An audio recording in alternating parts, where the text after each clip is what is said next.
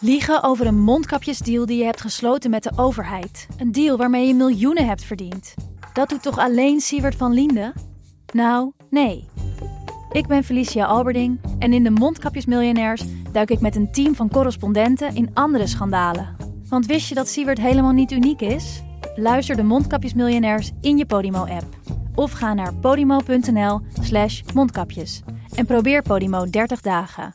podimo.nl slash mondkapjes. In de podcast Radio Romano met Noortje Veldhuizen Met Marcel van Roosmalen. En met Roelof de Vries. brengen we alle drie elke week een zogenaamde signalering mee. Wat heb jij nou weer bij je? En aan het eind bepalen we wie de winnaar van de week is. Echt een angstcultuur Lege huls die je er bent? Ja, dat gaat eigenlijk altijd onvriendelijk. Luister nu naar Radio Romano bij Podimo. Via podimo.nl slash Radio Romano luister je 30 dagen gratis. Klimaatakkoord is niet iets vreselijks wat over ons heen komt. Klimaatakkoord leidt tot economische groei, leidt tot extra banen, leidt tot innovatie en we laten onze wereld eh, fatsoenlijk achter. Dus waar, waar kun je blij mee zijn? Dit is Betrouwbare Bronnen met Jaap Jansen.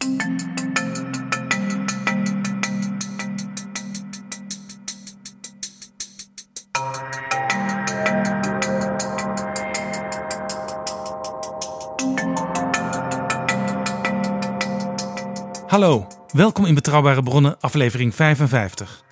Afgelopen vrijdag, 11 oktober, had de SER, de Sociaal-Economische Raad, open huis. Zo'n 400 mensen kwamen daar kijken wat het geheim is van de SER.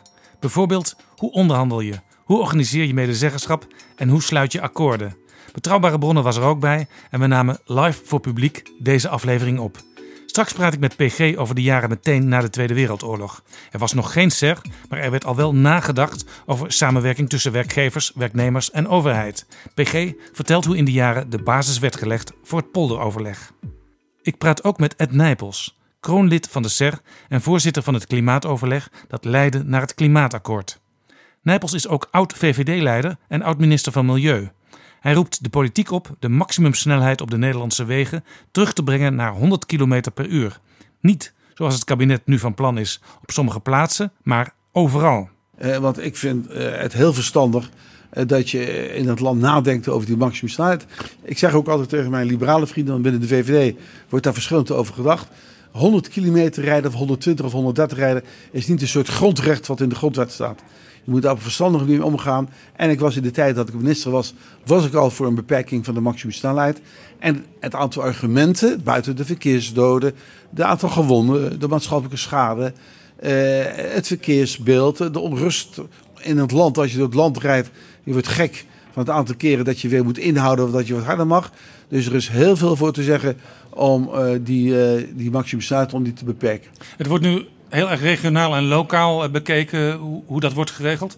Zou je niet beter gewoon voor het hele land kunnen afspreken 100 klaar? Nou ja, goed, dat is wat ik zeg. Maar dat was in, ik, bedoel, ik heb geen nieuw standpunt. Ik vond het al in 1987. Dus ik vier eh, mijn 32-jarig jubileum. Dat ik zeg, eh, die maximumsnelheid zou moeten worden beperkt. Om een veelheid van redenen, al helemaal.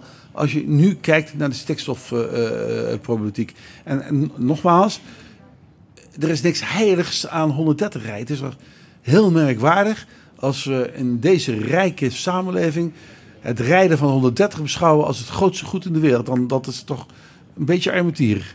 Ed Nijpels met een oproep aan de politiek waar zijn eigen partij, de VVD, niet blij mee zal zijn. VVD-minister Cora van Nieuwenhuizen van Infrastructuur heeft eerder intern al gedreigd het bijltje erbij neer te gooien als er wordt gemorreld aan het imago van de VVD als vroempartij.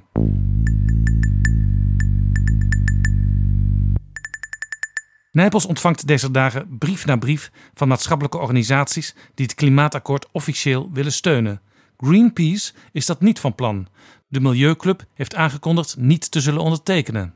Ik zou het buitengewoon jammer vinden. Ik heb de afgelopen jaren rond het energieakkoord heel goed samengewerkt met Greenpeace. Ik vind ook dat zij een hele goede en verstandige bijdrage hebben geleverd aan de uitvoering van het energieakkoord. Ik zou ze het liefst erbij hebben. En het is denk ik ook in het belang van Greenpeace zelf. Want uh, ja, als je niet ondertekent, dan is het maar de vraag hoe je straks wordt betrokken bij de uitvoering van het klimaatakkoord. Nou, en dan bij die uitvoering zouden we ook bij, uh, kunnen profiteren van de goede inzichten van, van Greenpeace. Dus ik vind het, om het maar heel grof te zeggen, verdomd jammer. Het was mij een waard geweest als Greenpeace ook had gezegd... ja, we ondersteunen het klimaatakkoord, het idee achter het klimaatakkoord... maar we hebben wel een aantal kanttekeningen... Want dan hadden ze ook betrokken kunnen worden bij de uitwerking van al die regelingen die moeten worden gemaakt. Heel veel van het klimaatakkoord moet neerslaan in, in wettelijke regelingen. Nou, het is altijd verstandig om, om, om dan aan tafel te zitten. Ed Nijpels, voorzitter van het Klimaatoverleg. Straks praat ik een klein uur met hem. Maar eerst aan tafel SER-voorzitter Mariette Hamer, samen met de voorzitter van het SER-jongerenplatform Luus van Kempen en de voorzitter van CNV Jongeren Semi Eski. Want er zijn ontwikkelingen rond het leenstelsel voor studenten. Dit is Jaap Jansen met Betrouwbare Bronnen. In de eerste aflevering van Betrouwbare Bronnen van dit seizoen was u, Mariette Hamer en Luus van Kempen ook te gast. Toen spraken we over het eh, rapport over ontplooiingskansen van jongeren en ook over de uh, stapeling aan problemen waar jongeren tegenaan lopen. Dat rapport dat had meteen gevolgen hè? in de politiek ook. Zeker, ja. We zaten natuurlijk net voor uh, Prinsjesdag en net voor de beschouwingen. En we, waren eigenlijk, we hebben een gigantische stormloop aan reacties gehad. Uh, mede misschien ook wel door de mooie podcast die we gemaakt hebben. Maar we zagen direct al dat er ook zelfs moties zijn aangenomen... waarin we verwe werd verwezen naar uh, onze verkenning. en we ook echt wel ja, nu stap aan maken Ja, een van de dingen die in een motie werden vastgelegd en aangenomen was... er moet een generatietoets komen. Dat stond ook in jullie rapport. Ja, klopt. Dus er wordt ook echt nu gekeken naar hoe kunnen we nou verankeren in het beleidsproces dat we gaan kijken naar wat beleid grote verdelingsvraagstukken betekenen voor de komende generaties. Uh, en daar gaan we nu ook dus echt mee aan de slag. Dus het is geen advies meer, maar het wordt nu werkelijkheid. Ja, een van de uh, punten die toen ook werden aangestipt in het gesprek wat we hadden, was het leenstelsel voor studenten. Dat, dat wordt als een groot probleem gezien door veel jongeren. En daar gebeurt ook heel veel op dat front op dit moment. Mariette Hamer, u bent daar blij mee? Eh, ja, want wij hebben uh, in het advies uh, met het jongerenplatform natuurlijk aangegeven dat we hebben gezien dat het leenstelsel op dit moment eigenlijk gevolg heeft op drie momenten in het leven van jongeren. ten eerste voor de toegankelijkheid. Het weerhoudt sommige jongeren om te gaan studeren. Uh, we zien dat tijdens het studeren de stress van jongeren groter is geworden, omdat die schuld toch op hun uh, schouders uh, drukt. en ze ook het gevoel hebben dat ze eigenlijk meer bijbanen moeten nemen. we hebben ook gezien dat ze langer thuis blijven wonen om niet te hoeven lenen. Dus, dus in die fase. maar ook hebben we gezien dat het daarna, dus als ze klaar zijn met de studie, nog weer grote gevolgen heeft. Want het wordt steeds lastiger. sowieso is het heel lastig op de woningmarkt, maar die schuld het ook nog eens lastiger.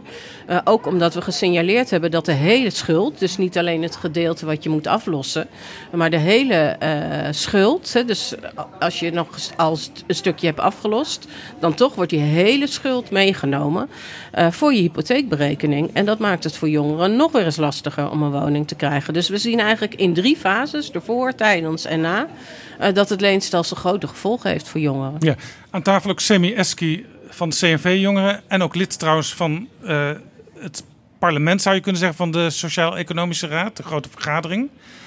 U ziet nu in de politiek nemen steeds meer partijen afstand van het leenstelsel zoals het er nu is. Ook partijen die zelf uh, architect ervan zijn geweest, bijvoorbeeld uh, GroenLinks, Partij van de Arbeid. Maar tegelijkertijd zeggen de coalitiepartners die nu regeren: ja, we gaan nu niks veranderen, want in het regeerakkoord staat we houden het zoals het is. Ja, dat klopt inderdaad. We hebben vanuit de CER een hele duidelijke boodschap afgegeven wat er wat ons betreft zou moeten gebeuren op dit terrein. En we zijn ook nog niet klaar. Want wat je ziet in de politiek is dat er steeds minder draagvlak is voor het leenstelsel. We kunnen eigenlijk constateren dat er een Kamermeerderheid is om hiervan af te stappen. Alleen de grote vraag die nog moet worden beantwoord en waar wij ook als SER een belangrijke rol in gaan spelen, is wat is het alternatief? Want we zijn het er met z'n allen over eens dat dit geen duurzame en vooral geen houdbare situatie is voor jongeren. Maar het antwoord op het alternatief, daar zien wij ook voor het SER Jongerenplatform een mooie rol weggelegd. Gaan we binnenkort ook overigens doen met politieke jongerenorganisaties met uh, andere jongerenorganisaties. Want we willen natuurlijk niet, net als in het verleden, worden verrast om het leenstelsel wel afgeschaft te krijgen, maar daartegenover een andere verslechtering voor studenten binnen te halen. Ja, Luus van Kempen, dat is natuurlijk vaak het probleem. Hè? Uh, er is bijvoorbeeld een kabinetsformatie en daar ligt ineens een plan. En daar kan vier jaar lang niet meer van afgestapt worden. Ja, en ehm, dat wordt nu ook een, een, lastige van kijken van wat kunnen we daarmee doen. Ik denk wel de stappen die nu genomen worden, ook om te kijken naar wat zijn nou die alternatieven, um, dat dat wel veel teweeg kan gaan brengen. En je merkt dus ook al dat dat leenstelsel is een van de dingen, maar dat ook daaromheen steeds meer dingen nu aan het bewegen zijn, om in ieder geval ook te voorkomen dat de nadelen waar uh, mevrouw Hamer het net over had, dat die ook zo klein mogelijk gemaakt worden. Mariette Hamer, u komt natuurlijk uit de politiek. Voordat u uh, voorzitter van de, van de SER werd, was u onder andere fractievoorzitter van de Partij van de Arbeid in de Tweede Kamer. U weet dus hoe dit soort processen werkt. En ik heb zelf een beetje het idee, het gaat eigenlijk best wel, als je van het leenstelsel af wil, de goede kant op. Ja, alleen uh, wat denk ik heel belangrijk is, en daarom vind ik, ben, ik ben geloof ik nu voor de derde keer bij jou. De eerste keer heb ik iets in de podcast verteld over het jongerenplatform. Het vertelde ik dat ze een verkenning gingen doen. De tweede keer samen met Luce hebben we verteld wat eruit was gekomen. En nu kunnen we eigenlijk vertellen dat het ook meteen een resultaat heeft gehad. En dat we nu een stap verder moeten zetten. Want wat je vaak ziet in de politiek is dat dan, dan wil iedereen van iets af en dan komen er alternatieven. En Iedereen gaat zich vastzetten op dat alternatief. Uh, en wat we tot nu toe horen is geen enkel alternatief, nog helemaal hetzelfde. Uh, dus waar ik mij grote zorgen over maak, is dat straks allerlei plannen naast elkaar ligt, liggen, maar dat er, omdat daar dan geen meerderheid voor ontstaat, uh, uiteindelijk niks verandert. En wat wij nu met het jongerenplatform willen doen, is eigenlijk kijken of we op basis van een verdieping van onze analyse um, uh, met alternatieven kunnen komen die op breed gemeenschappelijk draagvlak rekenen. Uh, zodat tegen de tijd dat de volgende formatie is, eigenlijk iedereen zegt: ja, maar het plan ligt er al. Uh, laten we dat gewoon opnemen. En daar niet opnieuw een politieke strijd over bestaat. Want die strijd zou gaan over de ruggen van jongeren heen. Over de toekomst van mensen die ons land moeten gaan dragen heen. en dat kunnen we ons eigenlijk helemaal niet permitteren. Ja, Semi Eski, um, in, het debat wat nu langzaam op gang komt, is een van de vragen: uh, moeten we eigenlijk terug naar de oude basisbeurs? Of moeten we gewoon een paar kleine dingetjes aan het huidige stelsel veranderen en dan is het ook goed? Welke richting moet het opgaan, wat u betreft? Ja, dat is dus exact de vraag waar wij binnenkort mee aan de slag gaan, ook binnen de SER. Uh, er zijn natuurlijk heel veel smaken en varianten te verzinnen. Maar uh, wat wij willen bereiken is dat geen enkele jongere in Nederland vanwege het leenstelsel belemmerd wordt om te studeren. Of na zijn studie eigenlijk minder kans heeft op sociaal-economisch terrein. Dus bijvoorbeeld in zijn baan, omdat hij dan stress heeft van een hoge schuld dat hij moet nog afbetalen moet. Of op de woningmarkt. Dat is ook een groot probleem voor jonge mensen. Kijk naar de woningprijzen. Nou, daarnaast een studieschuld dat hij daarin meeweegt. Dus uiteindelijk het alternatief wat hier uitkomt, moet een alternatief zijn voor de jongeren in plaats van tegen de jongeren. En dat is wel wat het leenstelsel nu doet.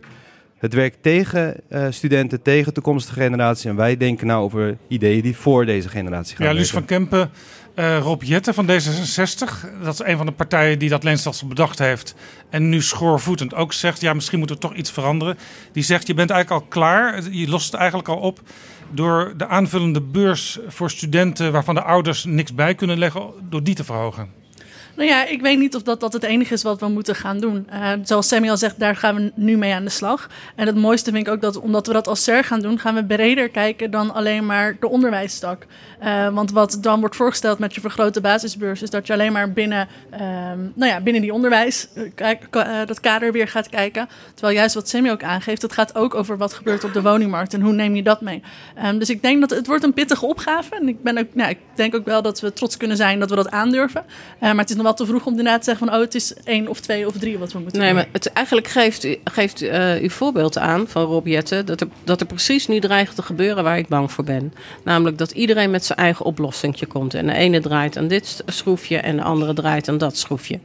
Uh, en wij denken dat je naar het hele bouwwerk moet kijken. Dus daarom zei ik net, het gaat erom hoe zorgen we dat de toegankelijkheid blijft. Hoe zorgen we dat die stress weggaat tijdens die studie. Want dat belemmert studenten echt in hun studie. En hoe zorg je dat je daarna um, uh, ja, ook je weg kan vinden en blijft leren. Want uh, er wordt nog veel te veel gedacht dat je na deze studie klaar bent. Maar ik zeg altijd, dan begint het pas. Ja, ik hoor uh, eigenlijk zeggen, je zou toch meer from scratch moeten ja, gaan precies. denken? En dat is nou net het leuke wat er nu aan het gebeuren is. Wij zijn vandaag of, aan het begin van de viering van 70 jaar Sociaal-Economische Raad. Ik heb jou de vorige keer verteld, ik ben bewust met jongeren aan de slag gegaan, omdat ik graag wil dat er nog 70 jaar gaan volgen. En dat ze da ook dit vanaf jongs af aan leren. Oh, het is dus eigenlijk een overlevingsmodel waar u mee bezig bent. Nou, nee, ja, maar niet voor mijzelf hoor, maar voor, voor, ons, voor ons land, om het maar eens heel zwaar te zeggen. Ehm, en wat het, wat het goede is, wat ik zie, is dat eigenlijk jongeren, als ze met elkaar gaan praten, want bij ons zitten de werkgeversjongeren, de vakbondsjongeren, de onderwijsjongeren, om ze zo maar even te noemen, is dat ze tegen elkaar hebben gezegd: we beginnen met het maken van een aantal uitgangspunten.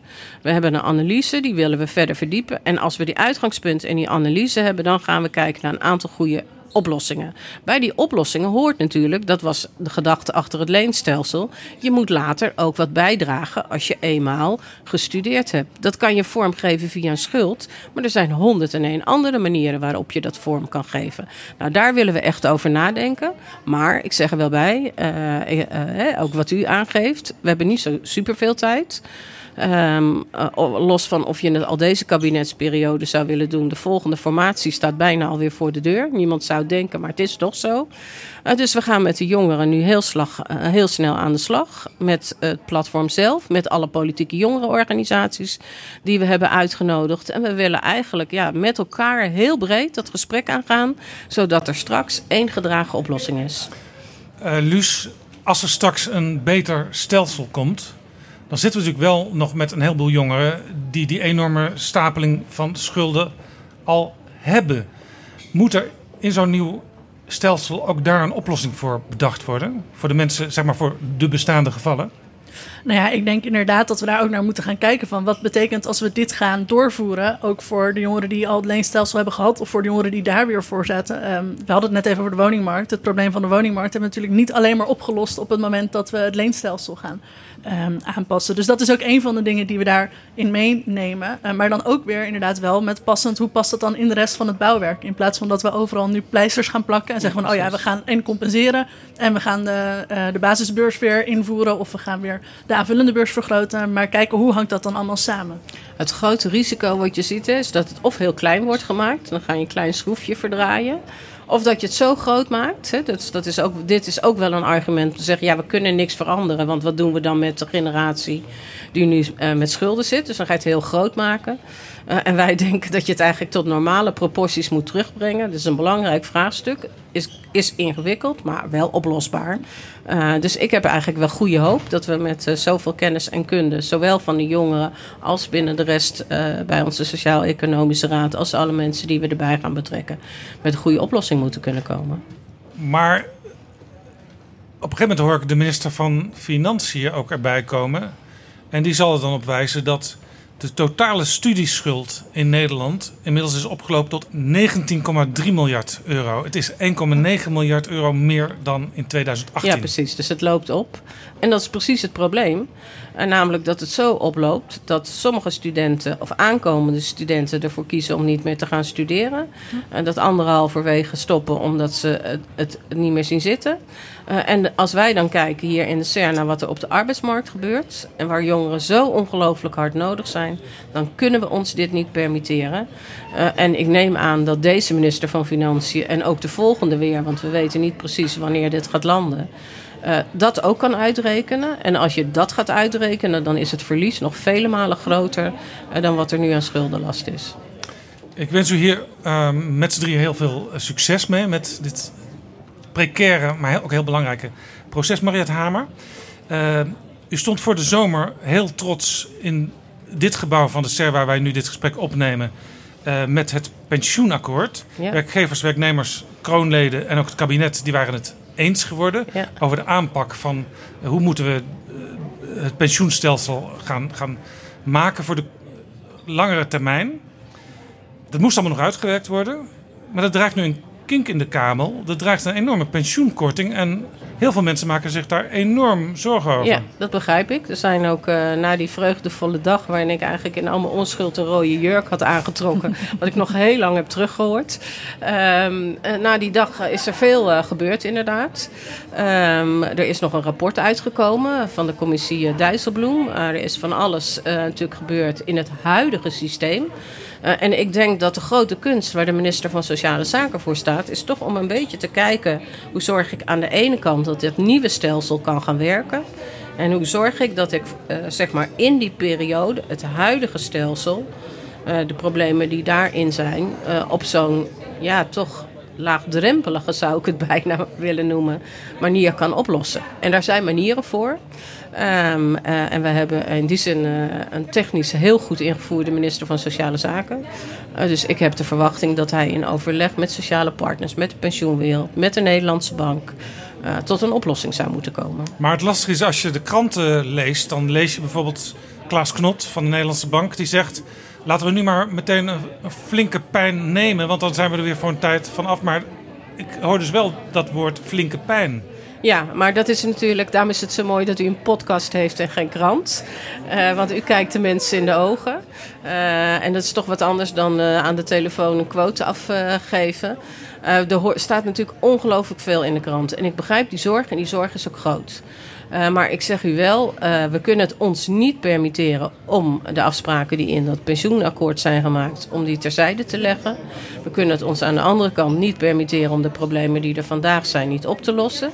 Uh, en er is dus veel nodig om dat te doen. Maar ik heb er ook het vertrouwen in dat dat gaat gebeuren. En u kijkt Wouter Koolmees, de minister van Sociale Zaken, in de ogen. En u wil hem ook wel helpen als hij zegt: uh, ik kom er even niet uit, denk eens even mee. Ja, dat ben ik altijd toe bereid. Maar ik ken hem goed. Uh, en uh, ik heb uh, groot vertrouwen in. Omdat hij nu ook in gesprek is. Dat heeft hij van de week de Kamer ook laten weten. Met al die partijen. Dat ze eerlijk gezegd daar niet mij alleen voor nodig hebben om dat probleem op te lossen. Maar als hij een vraag heeft, hij heeft mijn nummer. En anders komen we terug bij, bij Semi en zijn raad om misschien opnieuw naar de dingen te kijken? Nou in het C Jongeren platform hebben wij gezegd dat wij het begin hebben gemaakt. Er zijn nog veel meer thema's waar wij als jongeren ons over kunnen uitspreken. Dus uh, wij denken graag in de polder mee, zoals Mariette Hamer het ook aangaf. Polder is niet alleen maar een structuur, maar ook een cultuur hoe je met elkaar tot consensus komt. En dat leren wij nu en dat gaan we, daar gaan we mee verder. Ja. Toch belangrijk, hè? want anders doet u hetzelfde als die krant. En ik weet zeker dat u dat niet wil. Het zijn twee verschillende dingen. Er liggen voorstellen en uitgangspunten. En de stuurgroep nu heel goed bezig om een nieuw pensioenstelsel in elkaar te zetten. En er zijn een aantal problemen die voortkomen uit het huidige stelsel.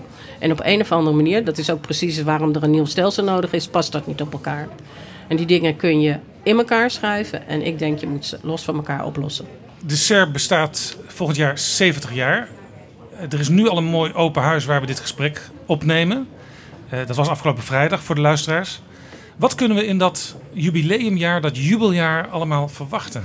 Ja, nou, we gaan een heleboel dingen doen in ieder geval. Kijk, de kern van, uh, dit, uh, van het huis uh, van de SER is dat we met elkaar veel denken, veel praten. Dialoog noemen wij dat. En uiteindelijk tot oplossingen komen. Denkwerk voor, door voor draagvlak door dialoog noemen wij dat.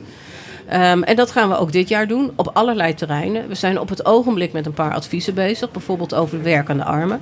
Van de week weer op tv geweest uh, uh, over de grote problemen die mensen daarmee hebben. Ja, mensen die soms meerdere baantjes moeten stapelen. Ja, of, ja, of één baan hebben en toch niet genoeg verdienen, niet uit de schulden komen. Nou, echt grote problemen. En ook nog kinderen hebben en, en kinderen daar ook hebben, nog precies, voor moeten zorgen. Ja, precies. En als die kinderen studeren, Hè? Dan hebben ze ook weer schulden. Daar en dan komen ze weer over. in het rapport van het ja, jongerenplatform terecht. Ja, zo hangt alles met elkaar samen.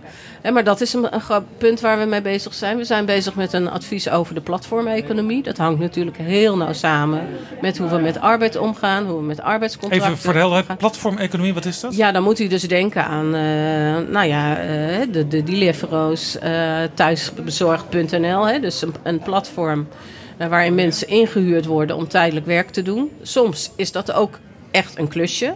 Uh, wat je met elkaar doet. En dan is een platform logisch. Maar soms is het ook een verijdelde manier om mensen met uh, te goedkope uh, kosten aan het werk te laten zijn. Daar zijn we naar aan het kijken. Ja, u zegt we zijn ermee bezig als CERMER, daar is toch ook de commissie Borstlab mee bezig? Ja, maar die is nog weer breder aan het kijken. Dus wij kijken nu naar die platformeconomie. Maar wij zullen ook zeker als straks de commissie Borstlab er is... Uh, vanuit dit huis uh, zijn plannen goed gaan bestuderen. En u helpt hem in feite ook een beetje door nog iets meer te focussen op dat ene ja, onderdeel, precies. die platformeconomie. Ja, en wij hebben ook al een aantal eerdere adviezen gegeven... waar we hem uh, natuurlijk uitgebreid over verteld hebben...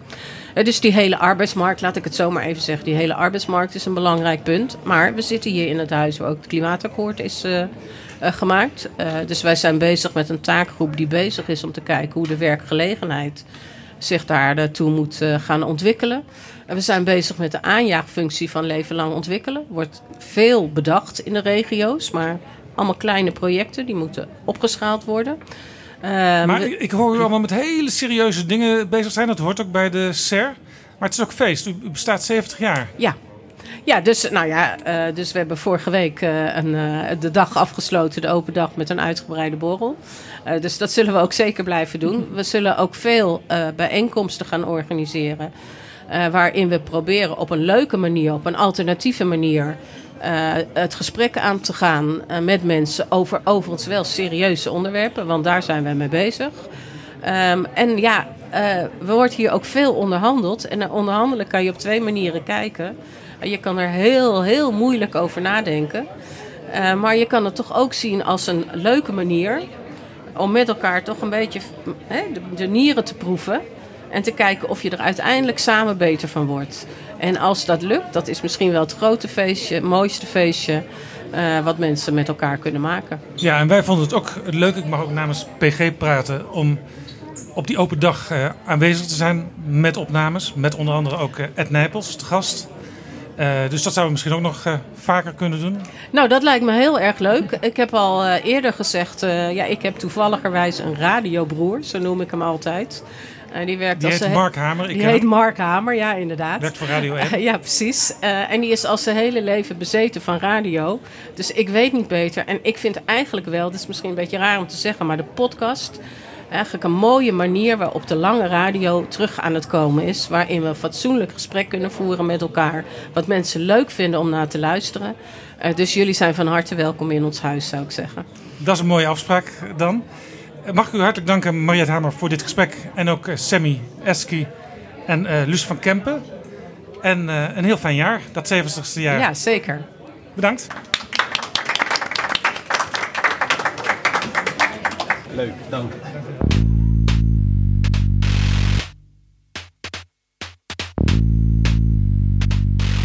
Dit is Betrouwbare Bronnen, een podcast met betrouwbare bronnen. Ik ga praten met Ed Nijpels, onder andere oud-VVD-leider, oud-minister van Milieu, burgemeester van Breda geweest, commissaris van de Koningin toen nog in Friesland en tegenwoordig klimaatpaus. Welkom in Betrouwbare Bronnen, Ed Nijpels. Hey, goedemiddag. U bent ook kroonlid van de SER en voorzitter van het Klimaatoverleg. Daar wil ik graag met u over praten. Maar eerst even de actualiteit eh, van de afgelopen weken, het boerenprotest. U was in 2016 bij de SER auteur van een rapport over duurzame veehouderij. Dat rapport werd redelijk breed omarmd, maar het verdween in de kabinetsformatie van 2017 een beetje in de onderste la. Hoe is dat gekomen? Uh, nou, het verdween nog niet zozeer bij die formatie, maar het, uh, het rapport was door de staatssecretaris, toenmalige staatssecretaris Van Dam, naar de Tweede Kamer gestuurd. Ook met een, een brief erbij uh, met zijn reactie op dat, op dat plan. en dat was een positieve reactie. hij nam eigenlijk het, overgrote deel van ons advies nam hij over. maar daarna zou het in de Kamer worden besproken. Eh, maar de Kamer was op dat moment bezig met de kabinetsformatie. En zoals het dan gaat, dan kunnen stukken kunnen controversieel worden verklaard. En dat betekent dat als een van de partijen vindt dat het politiek te gevoelig is, dan wordt het niet behandeld zolang er nog geen volwaardig kabinet is. Uh, en het CDA heeft kennelijk, begrijp ik ook uit de krant, heeft toen in commissievergaderingen het verhaal controversieel verklaard. En daardoor is het nooit meer in de Kamer behandeld en heeft niemand er ooit nog van gehoord. Dus het CDA vond het eigenlijk een te brisant rapport. Ja, het rapport was niet zo brisant, want het aardige was dat ook de landbouwwereld bij mij aan tafel zat in die commissie en met de voorstellen had ingestemd. Kortom, er was een hele brede overeenstemming. En dat is dus ook een perfect moment geweest om zeg maar, een aantal van die aanbevelingen van het rapport om die door te voeren. Dat rapport ging erover de veehouderij duurzaam te maken. Als dat toen gewoon goed was uitgevoerd, hadden we dan nu een minder groot probleem met die stikstof gehad? Nou, dat ligt eraan hoe snel je dat rapport had uitgevoerd. Want een van onze voorstellen was in ieder geval om alle subsidieinstrumenten om die te beperken tot de 30% beste bedrijven. Dat hadden we overigens afgekeken vanuit de industrie. Waar we in het verleden ook bijvoorbeeld de zure regen in Nederland daarmee hebben aangepakt.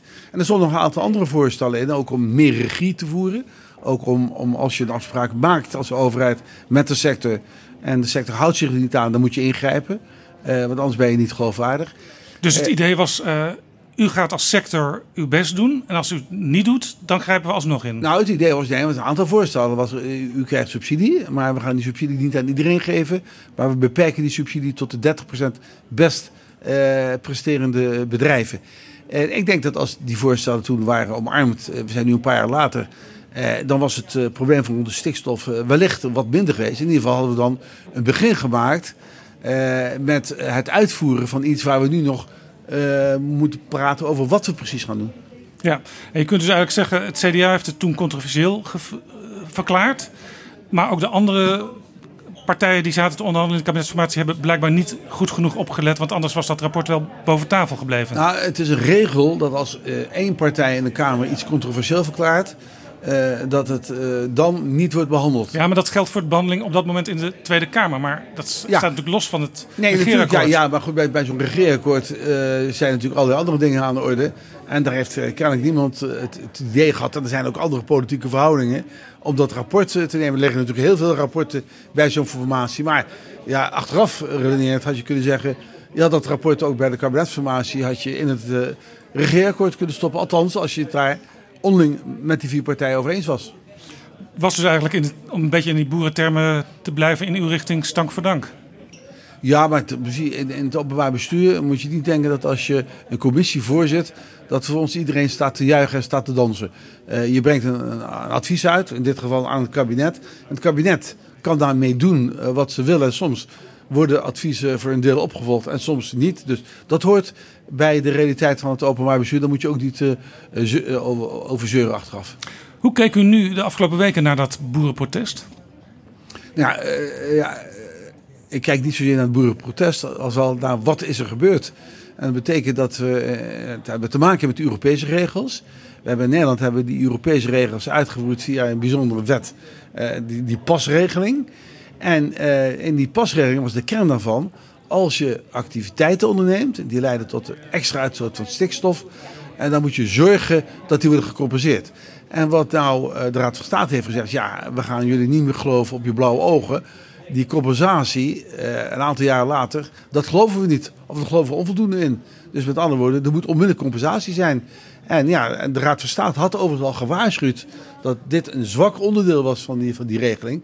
En de politiek heeft niet geluisterd. Ja, en de politiek krijgt nu de rekening gepresenteerd. En het is dus niet de schuld van uh, de Raad van State. De Raad van State heeft gewoon gedaan waar ze voor op de wereld is. Namelijk uh, adviseren en soms rechtspreken. Ja, we zijn vandaag bij de open dag van de SER.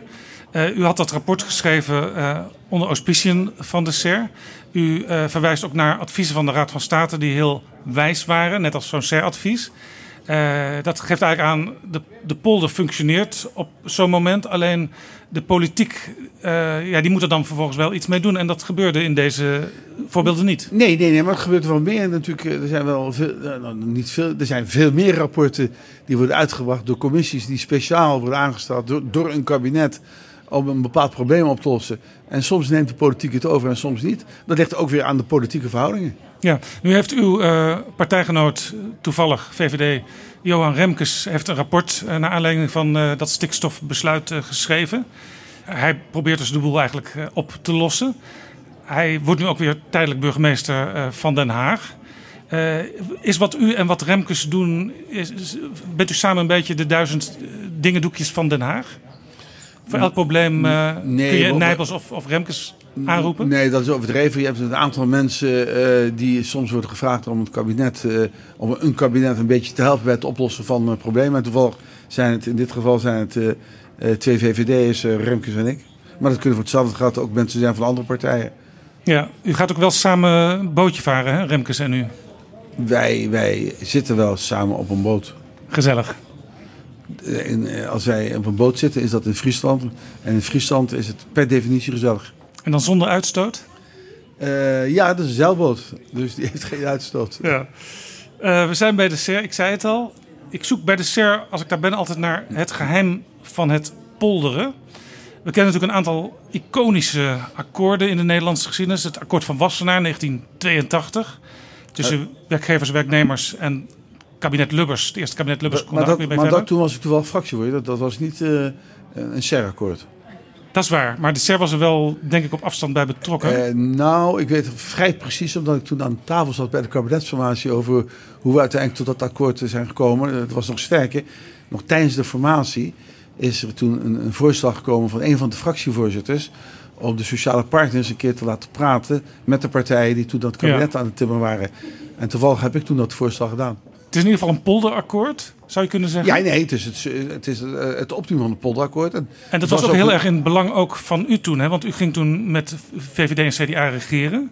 En uh, er moest iets gebeuren in Nederland. Nou, er moest een soort sociale vrede komen. Ja, we zijn niet, niet in uw belang, ik bedoel in het belang van Nederland. Uh, want daar praten we over. Ja, er was natuurlijk een, een, het voorafgaande kabinet had er een redelijke puinhoop van gemaakt. En uh, het was duidelijk dat er iets moest gebeuren. En uh, in de formatie stond ons ook centraal, hoe gaan we Nederland er weer bovenop helpen? En we kwamen tot de conclusie, uh, Lubbers was fractievoorzitter van het CDA en ik bij de VVD. En wij kwamen tot de conclusie dat het goed was om dat met de werknemers en werkgevers tegelijkertijd te bespreken. Nou, een aantal verwikkelingen tussendoor. En uiteindelijk heeft dat geleid tot het akkoord van Wassenaar. En dat is overeenstemming tussen werkgevers en werknemers.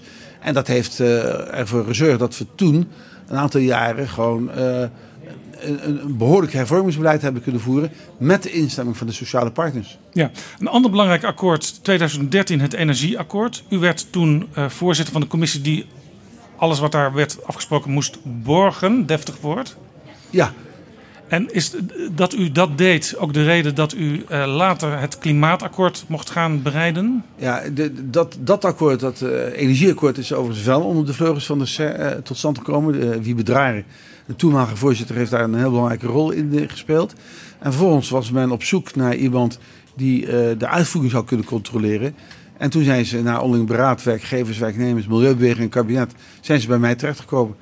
En ik had daar, voor die tijd had ik me al bemoeid met het idee van een akkoord.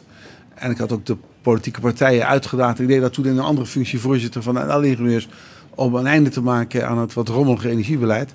En voor mij was het dus alleen maar heel plezier dat ik een telefoontje kreeg van Draaier of ik ook die commissie wilde voorzitten. Ja, en ik begreep dat u op uw 16e jaar al bezig was met de milieuproblematiek, want u had astma en u had er direct last van.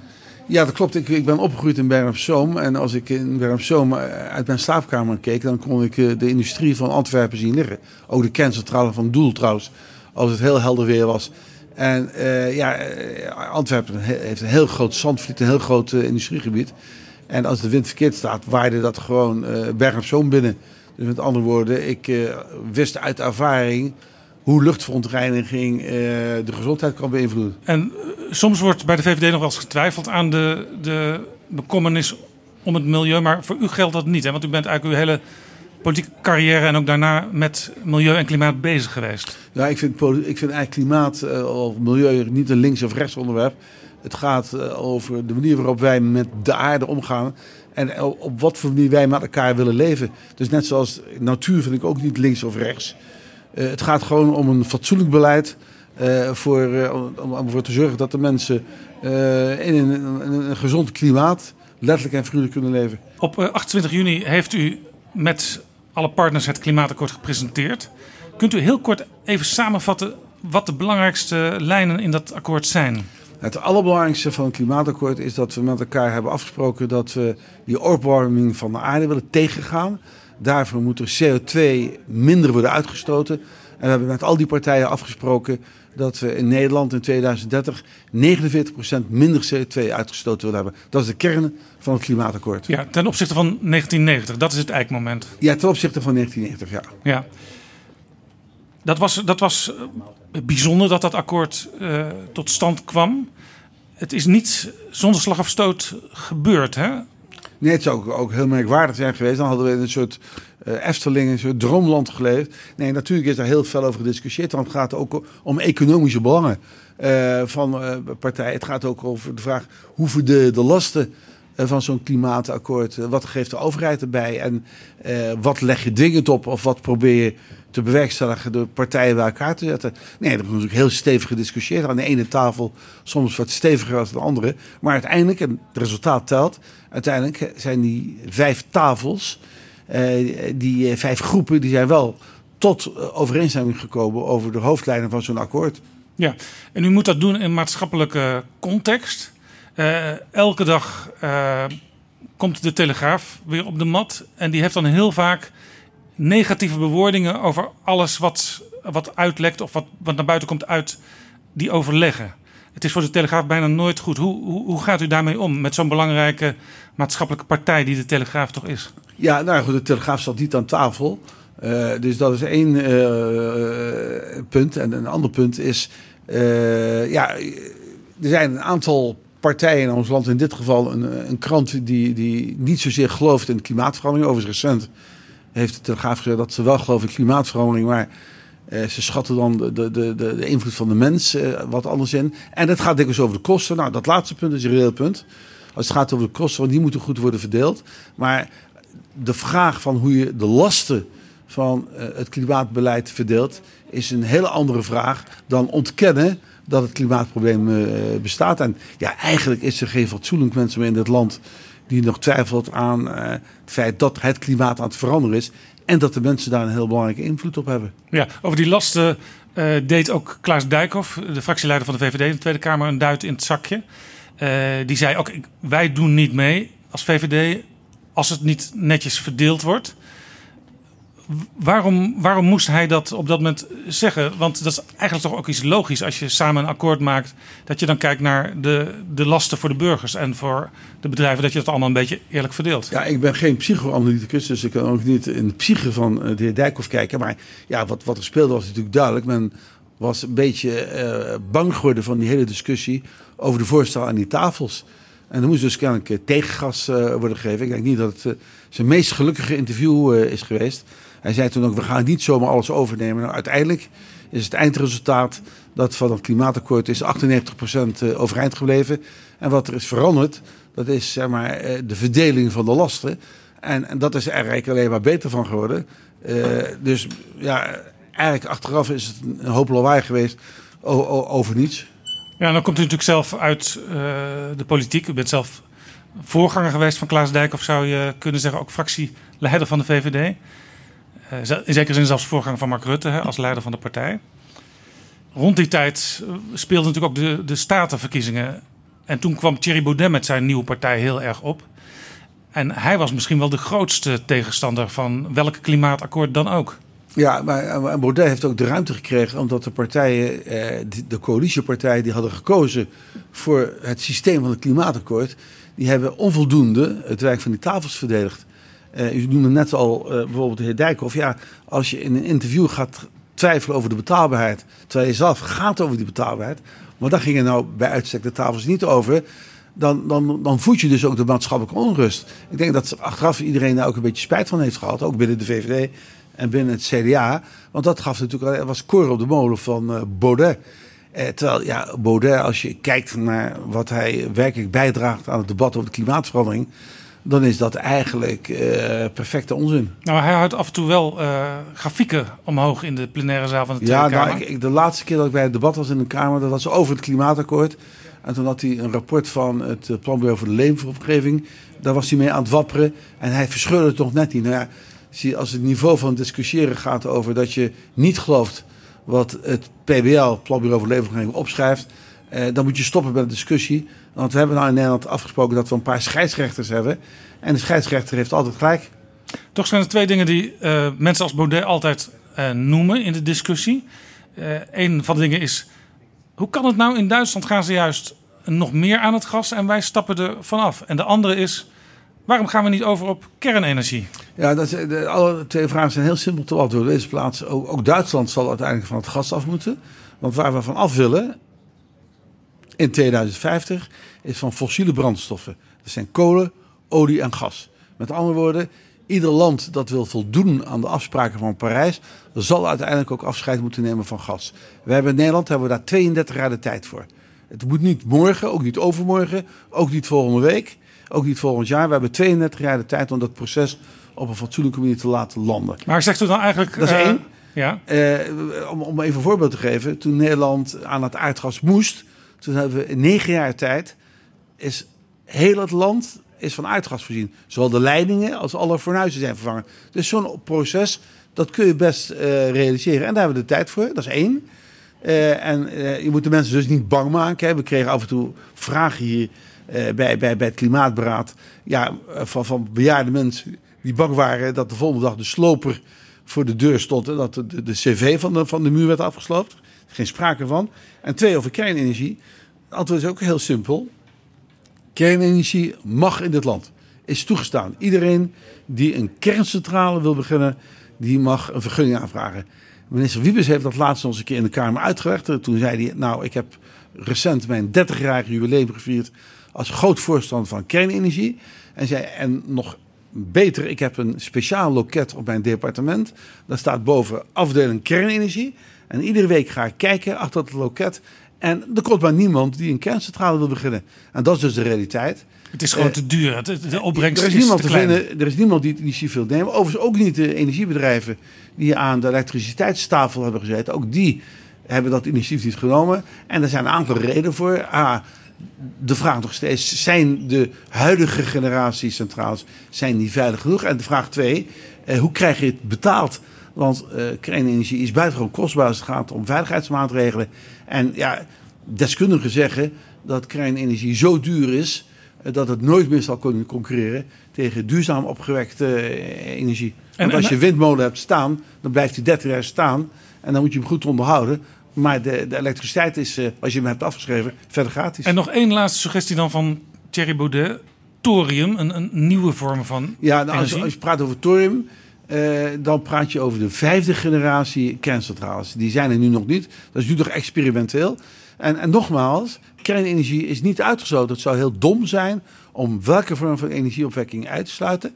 Dat is ook niet de vraag waar het over gaat. Of je voor of tegen. De vraag is: kan het een bijdrage leveren aan de doelstelling tot 2030? Nou, het antwoord daarvan is nee. Want daarvoor is het gewoon, duurt het te lang. En of het na 2030 een rol gaat spelen, dat zal afhangen van de technologische ontwikkelingen. Thorium bijvoorbeeld. En dat zal ook afhangen van de betaalbaarheid. Eh, deze week hebben we weer te horen gekregen dat een project in, in Frankrijk... dat het miljarden duurder aan het worden is. Dus de berichten zijn niet echt opgewekt. Nee. Als u zo'n klimaatakkoord wil gaan sluiten, dan uh, zou je zeggen... dan heeft u alvast één groep medestanders en dat is de milieubeweging. Maar die zeiden op een gegeven moment: ja, voor ons hoeft het niet meer. Wij stoppen met deze discussie. Nou, Greenpeace eh, is afgehaakt. Greenpeace heeft aangekondigd dat zij het klimaatakkoord eh, niet gaan ondertekenen. Ik vind dat buitengewoon jammer. Ik denk dat, dat, dat ja, dat hebben ze eh, nu alsnog nog een keer bevestigd, hè? dat ze dat niet van nou, plan nou, ze hebben het gezegd in een interview, maar ik heb nog steeds geen officiële brief ontvangen. En ik ben de postbus. Uh, dus zolang ik nog geen brief heb ontvangen, weet ik officieel nog van niets. Maar ik heb het wel gelezen. Ik zou het buitengewoon jammer vinden. Ik heb de afgelopen jaren rond het energieakkoord heel goed samengewerkt met Greenpeace. Vind ook dat zij hele goede uh, en verstandige bijdrage hebben geleverd aan de uitvoering van het energieakkoord. Ik zou ze het liefst erbij hebben. En het is denk ik ook in het belang van Greenpeace zelf. Want uh, ja, als je niet ondertekent, dan is het maar de vraag hoe je straks wordt betrokken bij de uitvoering van het klimaatakkoord. Nou, en dan bij die uitvoering zouden we ook bij, kunnen profiteren van de goede inzichten van, van Greenpeace. Dus ik vind het, om het maar heel grof te zeggen, verdomd jammer. Ja, Greenpeace zegt het is goed dat er een CO2-heffing komt voor de grote bedrijven. maar die regeling die zit zo vol mitsen en maren.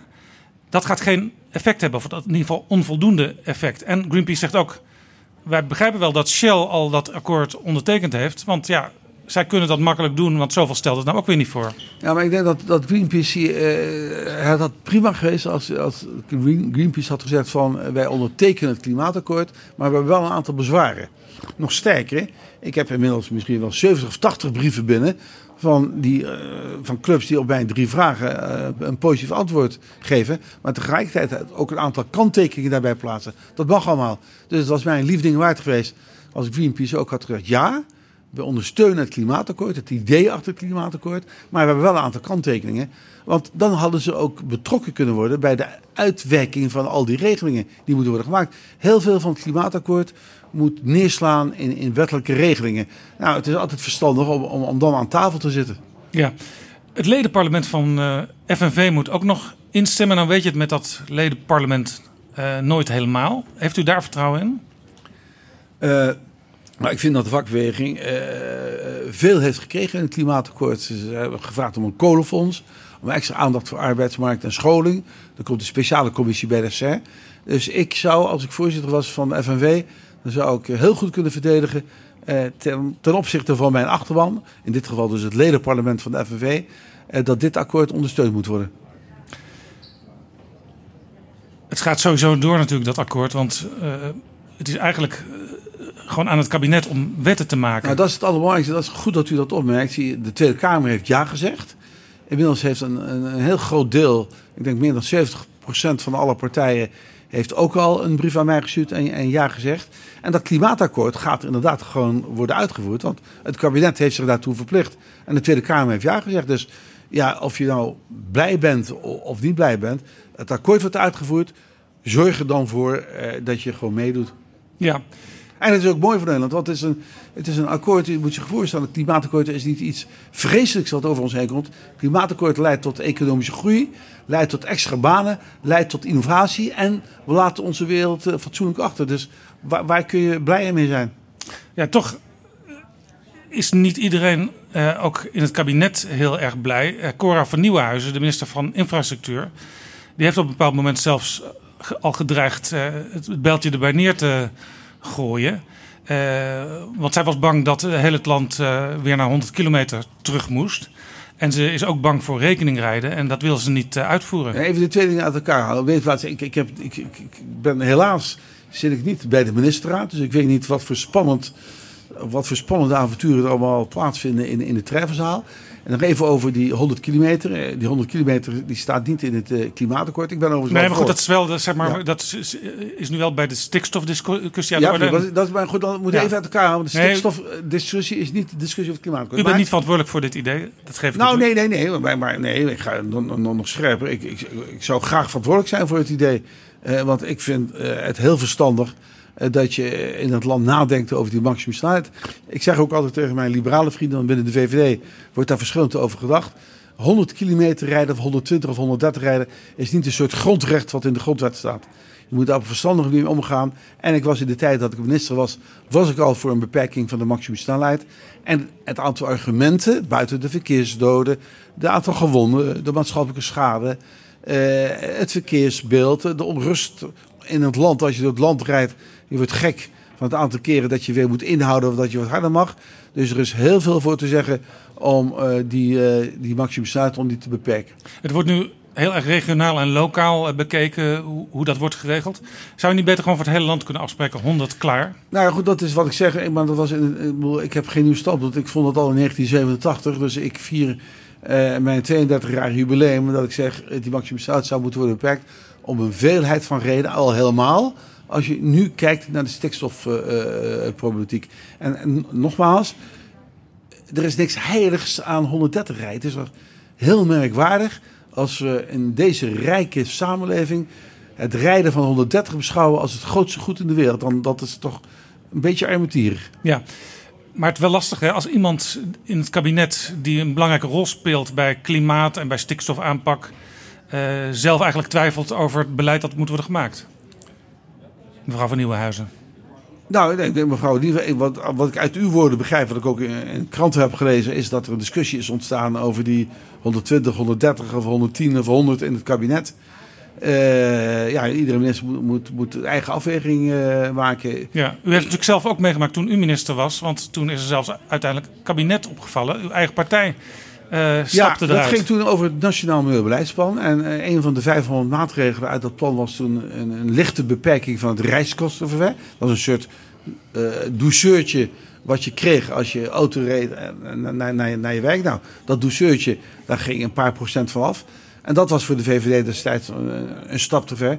En toen heeft de VVD het eigen kabinet naar huis gestuurd. Het ging geloof ik maar om een paar gulden per maand. Hè? Het, het ging om, om drie keer niets. En de kiezer heeft de VVD daar ook hardhandig uh, voor afgestraft. Want de volgende verkiezingen hebben we magistraal verloren. Dus met andere woorden, hoor ik u zeggen richting de VVD, let op. Uh, voer nou gewoon goed beleid uit, want dat is heel belangrijk en dat is in ons alle belang. En het kan ook uh, nou, wat, als wat terugkeren. Nou, zie, ik, ga, ik, ik, spreek nooit, ik zit hier niet als VVD'er, maar je staat mij toevallig ja. op deze nou, vraag. laten we het dan over een willekeurige partij hebben die, nee, die misschien moeilijk doet. Ik denk dat, dat uh, Dagblad Trouw heeft vorige week daar een, een, op staat een mooi artikel over uitgebracht. Die liet een groot aantal VVD'ers aan het woord, onder andere de heer Hofstra. Nou, dat was een bekend voorvechter van de 130, al jarenlang in de Tweede Kamer.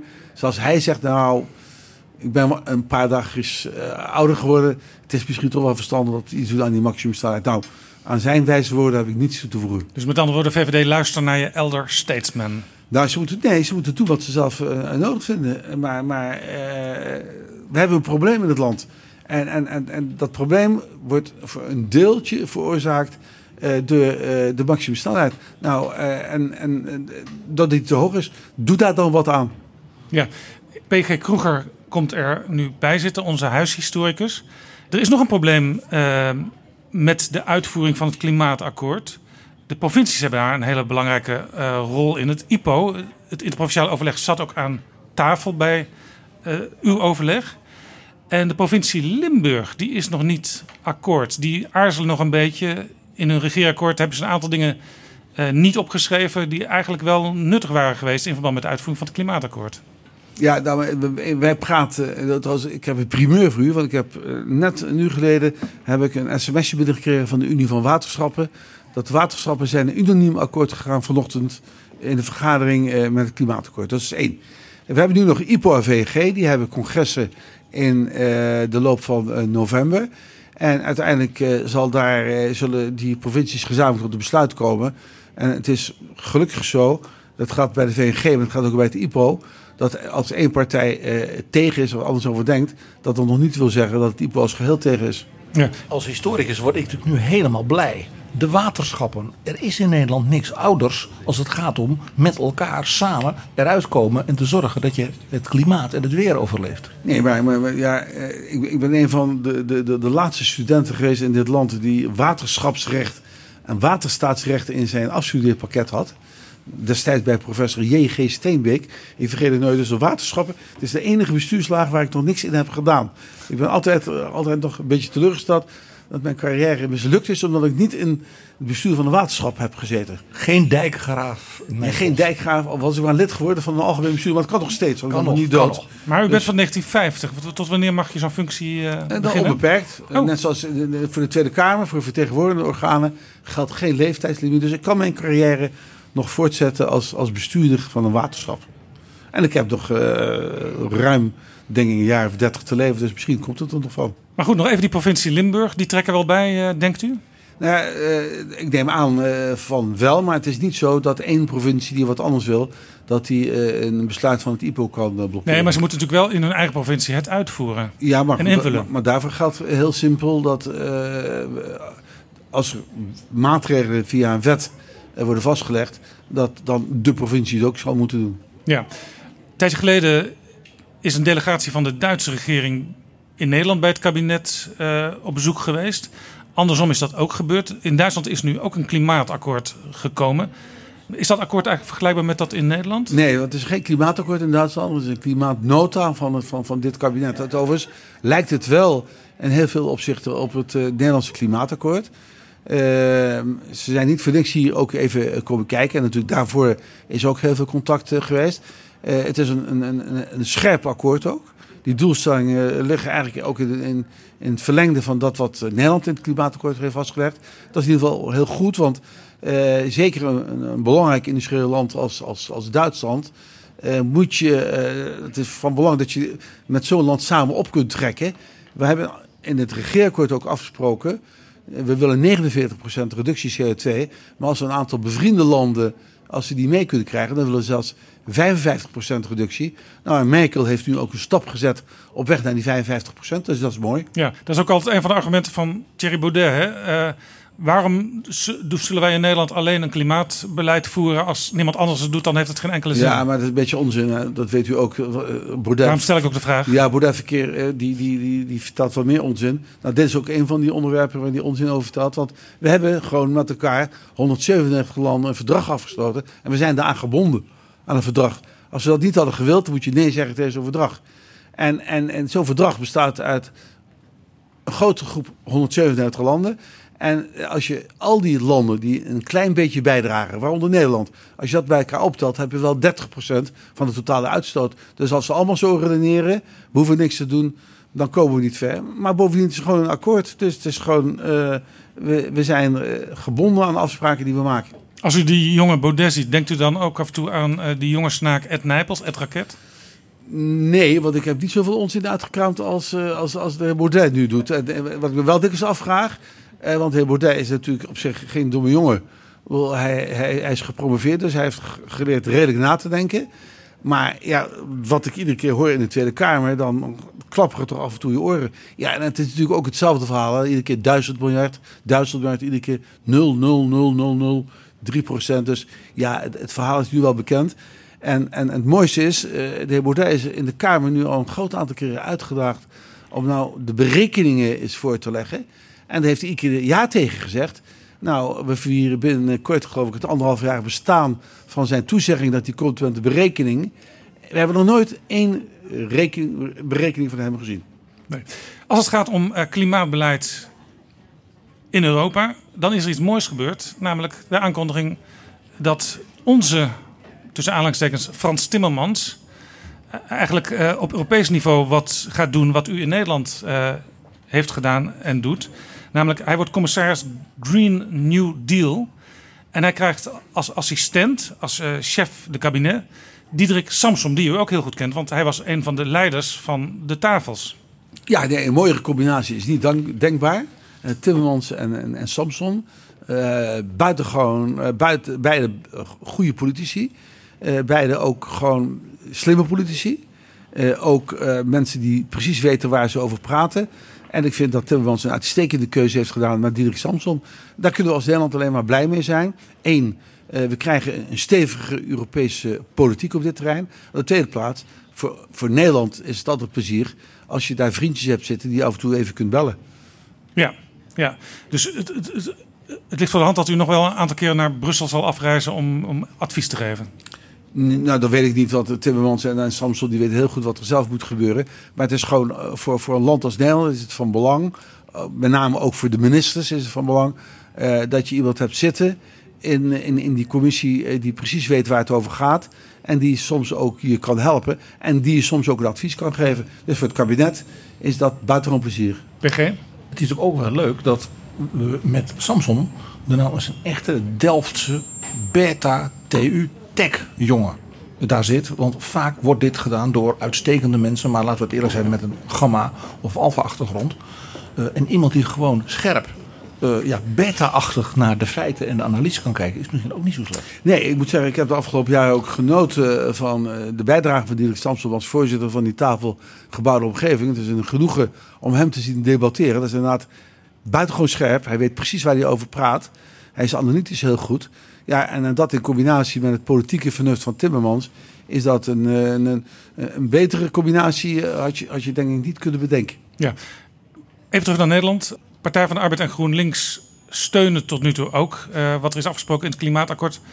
Uh, denkt u ook dat dat zo blijft? Want ze hebben natuurlijk soms andere politieke belangen. Ja, nou, het klimaatakkoord zal uiteindelijk ook landen in een aantal wetsontwerpen. En uh, ja, per wetsontwerp zal er straks dus ook gestemd moeten worden. Ja, ik denk dat uh, die, die, die, die wetsontwerpen, dat die straks ook allemaal, voor wetgeving nodig is, dat die met grote meerderheden in de Kamer zal worden aangenomen.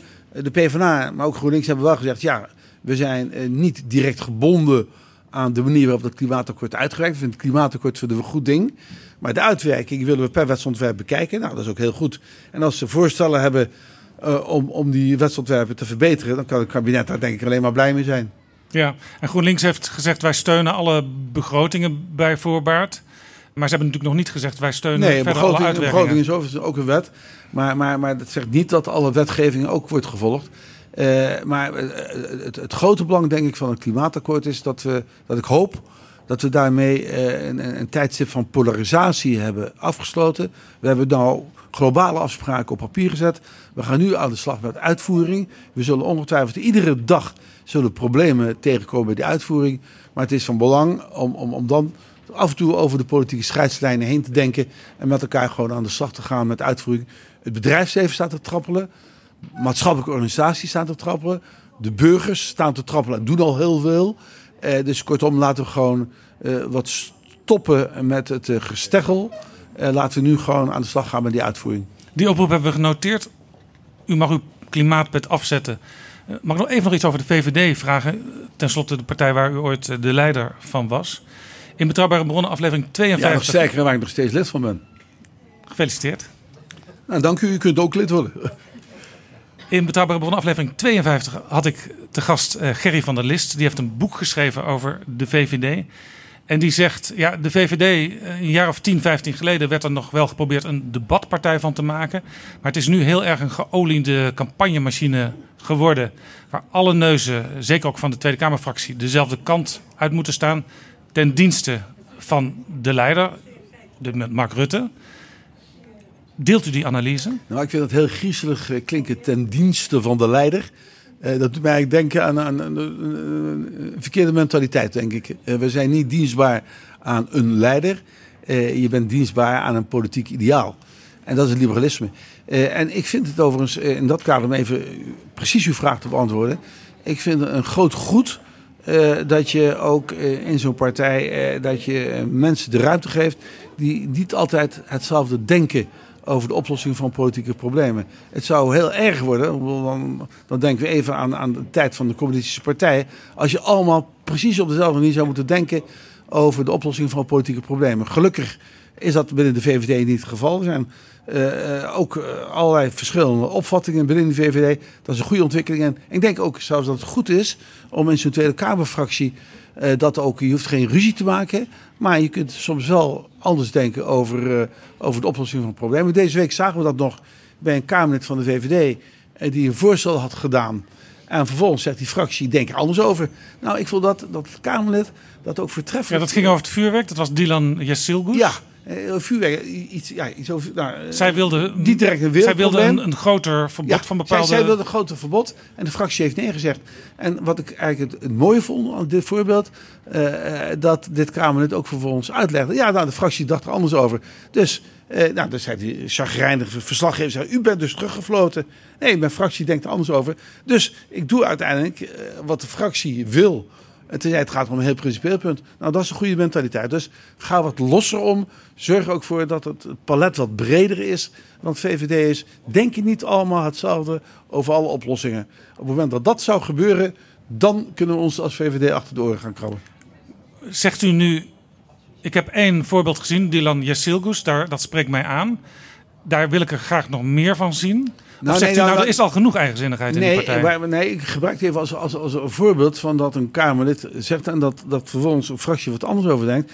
Ik denk dat het heel goed is voor wat u, uw vraag begon met de VVD, de stand van Van der List. De VVD is geen debatpartij. Ik denk dat het voor iedere partij, dus ook voor de VVD, goed is uh, dat je met elkaar ook debatteert.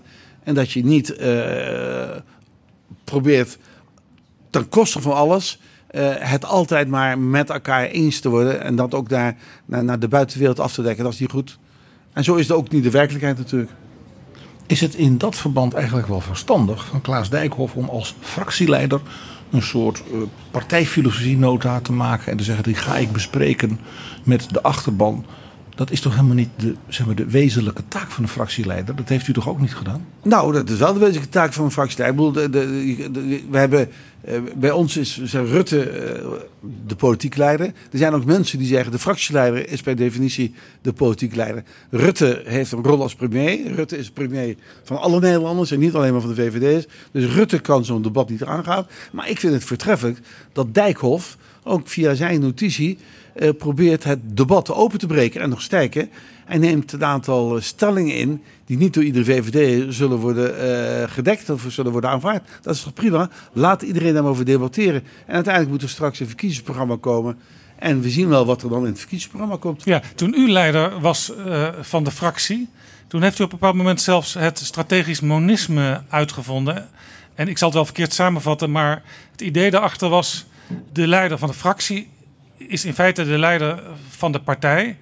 En de bewindslieden moeten ook heel goed opletten wat die fractie wil, want daar wordt de koers bepaald. Nee, dat valt u het verkeerd samen. Ja, dat, dat hoopte ik al. Ja, nee, strategisch monisme ging over de vraag: eh, eh, als je een kleine regeringspartij bent. En de VVD was toen weliswaar groter dan ooit, 36 zetels had ik met de verkiezing gewonnen. Maar we waren kleiner dan het CDA. Maar het CDA kon altijd ook nog het in de Kamer op een akkoordje gooien met de PvdA. En toen was mijn stelling: je hebt er dus als kleinste regeringspartij baat bij als je de afspraken zo strak mogelijk vastlegt in de regeerakkoord. Want wij konden in die tijd niet het op een akkoordje gooien met de PvdA. Dus we hadden altijd het nakijken als het CDA dat al deed. Dus hadden we er toen belang bij om dat regeerakkoord zo strak mogelijk te maken, die afspraken.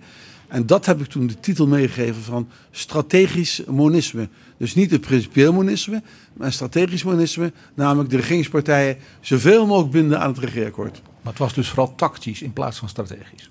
Ja, het was, uh, ja, het was tactisch. Het vloeide voort uit de, de toenmalige omstandigheden uh, waarin uh, het CDA dat was de lood om oud ijzertheorie. Ze konden de VVD inruilen voor de PvdA en andersom. Ja. U zei... En overigens, was, overigens is het aardige dat daar over, over dat standpunt wat ik toen innam...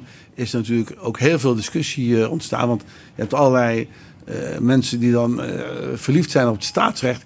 Dus die zeiden strategisch monisme, dat kan helemaal niet. Dat moeten we als liberalen niet willen. Nou ja, als je kijkt naar de realiteit heden ten dagen... iedere maandagochtend vergaderen de vier fractievoorzitters... de drie vicepremiers en de premier... En ongeveer alles wordt besproken. Dus ja. Het is nog veel erger dan in uw tijd. Ja, bij mij werd het dan is nog bij een regeerakkoord geregeld. Maar dit is niet strategisch mee, dit is gewoon puur monisme.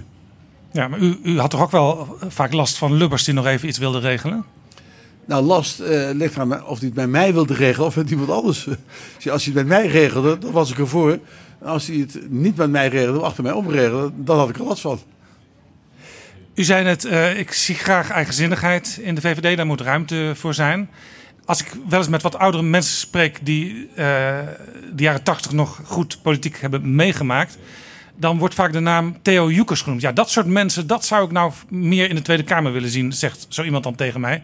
Maar u was geloof ik degene die Theo Joekers destijds op een onverkiesbare of zelfs helemaal niet meer op de lijst heeft gezet. Nee, uh, A, de fractievoorzitter gaat niet over samenstellen van de lijst. Dat was in die tijd bij de VVD was dat een, een buitengewoon uh, ingewikkeld stelsel waarbij de 18... Maar u, u, gaat toch gewoon die nee. kamer in waar die lijst wordt uh, samengesteld nee, nee, en u zegt ik praat mee? Nee, dat is misstand. Als u de historie van de VVD kent, uh, destijds hadden de 21 regionale voorzitters van de VVD, kamercentrale voorzitters... Partijbronnen waren dat. Partijbronnen, die maakten de lijst uit. Als je dus als Kamerlid slecht lag bij die baronnen, dan kon je je carrière wel vergeten. En de partijleider had daar bijna weinig over maar je kon kandidaten voorstellen niet. Bij de Joekers was het over een totaal ander verhaal. Dat had te maken met destijds de RSV-enquête. En dat ging over de vraag of een, een, lid van de enquêtecommissie wel of niet mag praten uh, met, zijn, uh, met zijn partijgenoten. en het antwoord was nee, dat mag niet. Nee, het antwoord was dat gebeurde wel. Want bij de PvdA, DNL, die, die besprak ongeveer iedere week met Marcel van Dam destijds... Uh, wat er allemaal in die enquêtecommissie aan de orde was. En het ging dus even niet om beïnvloeden. Het ging erom of je op de hoogte was. En u weet ook wat er vervolgens gebeurd is. En Joekes die weigerde dat, dus ja, toen kreeg een mot met hem. De, de resultaat was de heer Van Duinen is uiteindelijk slachtoffer geworden uh, van eigenlijk een ja, partijpolitiek Voor de spelletje. jonge luisteraars, Gijs van Ardenne was de minister van Economische Zaken. En vicepremier. En vicepremier. Ja, en die werd het slachtoffer van die enquête. Die werd dat was de eerste keer dat, overigens was het de eerste keer dat een, uh, na de enquête over de, de Tweede Wereldoorlog, dat er weer een parlementaire enquête werd gehouden. Dus ze wisten eigenlijk helemaal niet hoe dat ging en wat de politieke gevolgen konden zijn. En nou, we hebben dat wel gemerkt uh, destijds dat er zware politieke gevolgen aan waren. En toen op een gegeven moment kwam Joekes alsnog op de lijst. Hij kreeg toen geloof ik vijf of zes zetels, aantal stemmen, dus heel veel stemmen. Dacht u toen niet uh, had ik nou maar niet zo moeilijk gedaan over Joekers? Nee, maar ik heb helemaal niet moeilijk gedaan. Uh, de, de, de, partij stelde de lijst vast. Oké. Okay. En u was een soort willoos slachtoffer van die baronnen. Nee, noemt u zich slachtoffer. Ik was lijsttrekker. Uh, dus ik was helemaal geen willoos slachtoffer. maar ze hebben mij ook een lijsttrekker gemaakt. Ook de verkiezingen daarvoor. Ja. Maar, maar, maar het idee van dat iemand is geslachtofferd... dat is, dat is buiten wat er echt destijds heeft plaatsgevonden. Ja. Hoe en wat er precies heeft plaatsgevonden, daar, daar, daar ga ik naar. Ja. De Joek is overleden. was een prachtige man. Ik heb er dikwijls van genoten. Een uh, poëtische man, hè? Ja, een poëtische man. Hij, hij was een, een groot kenner van Shakespeare. Ja.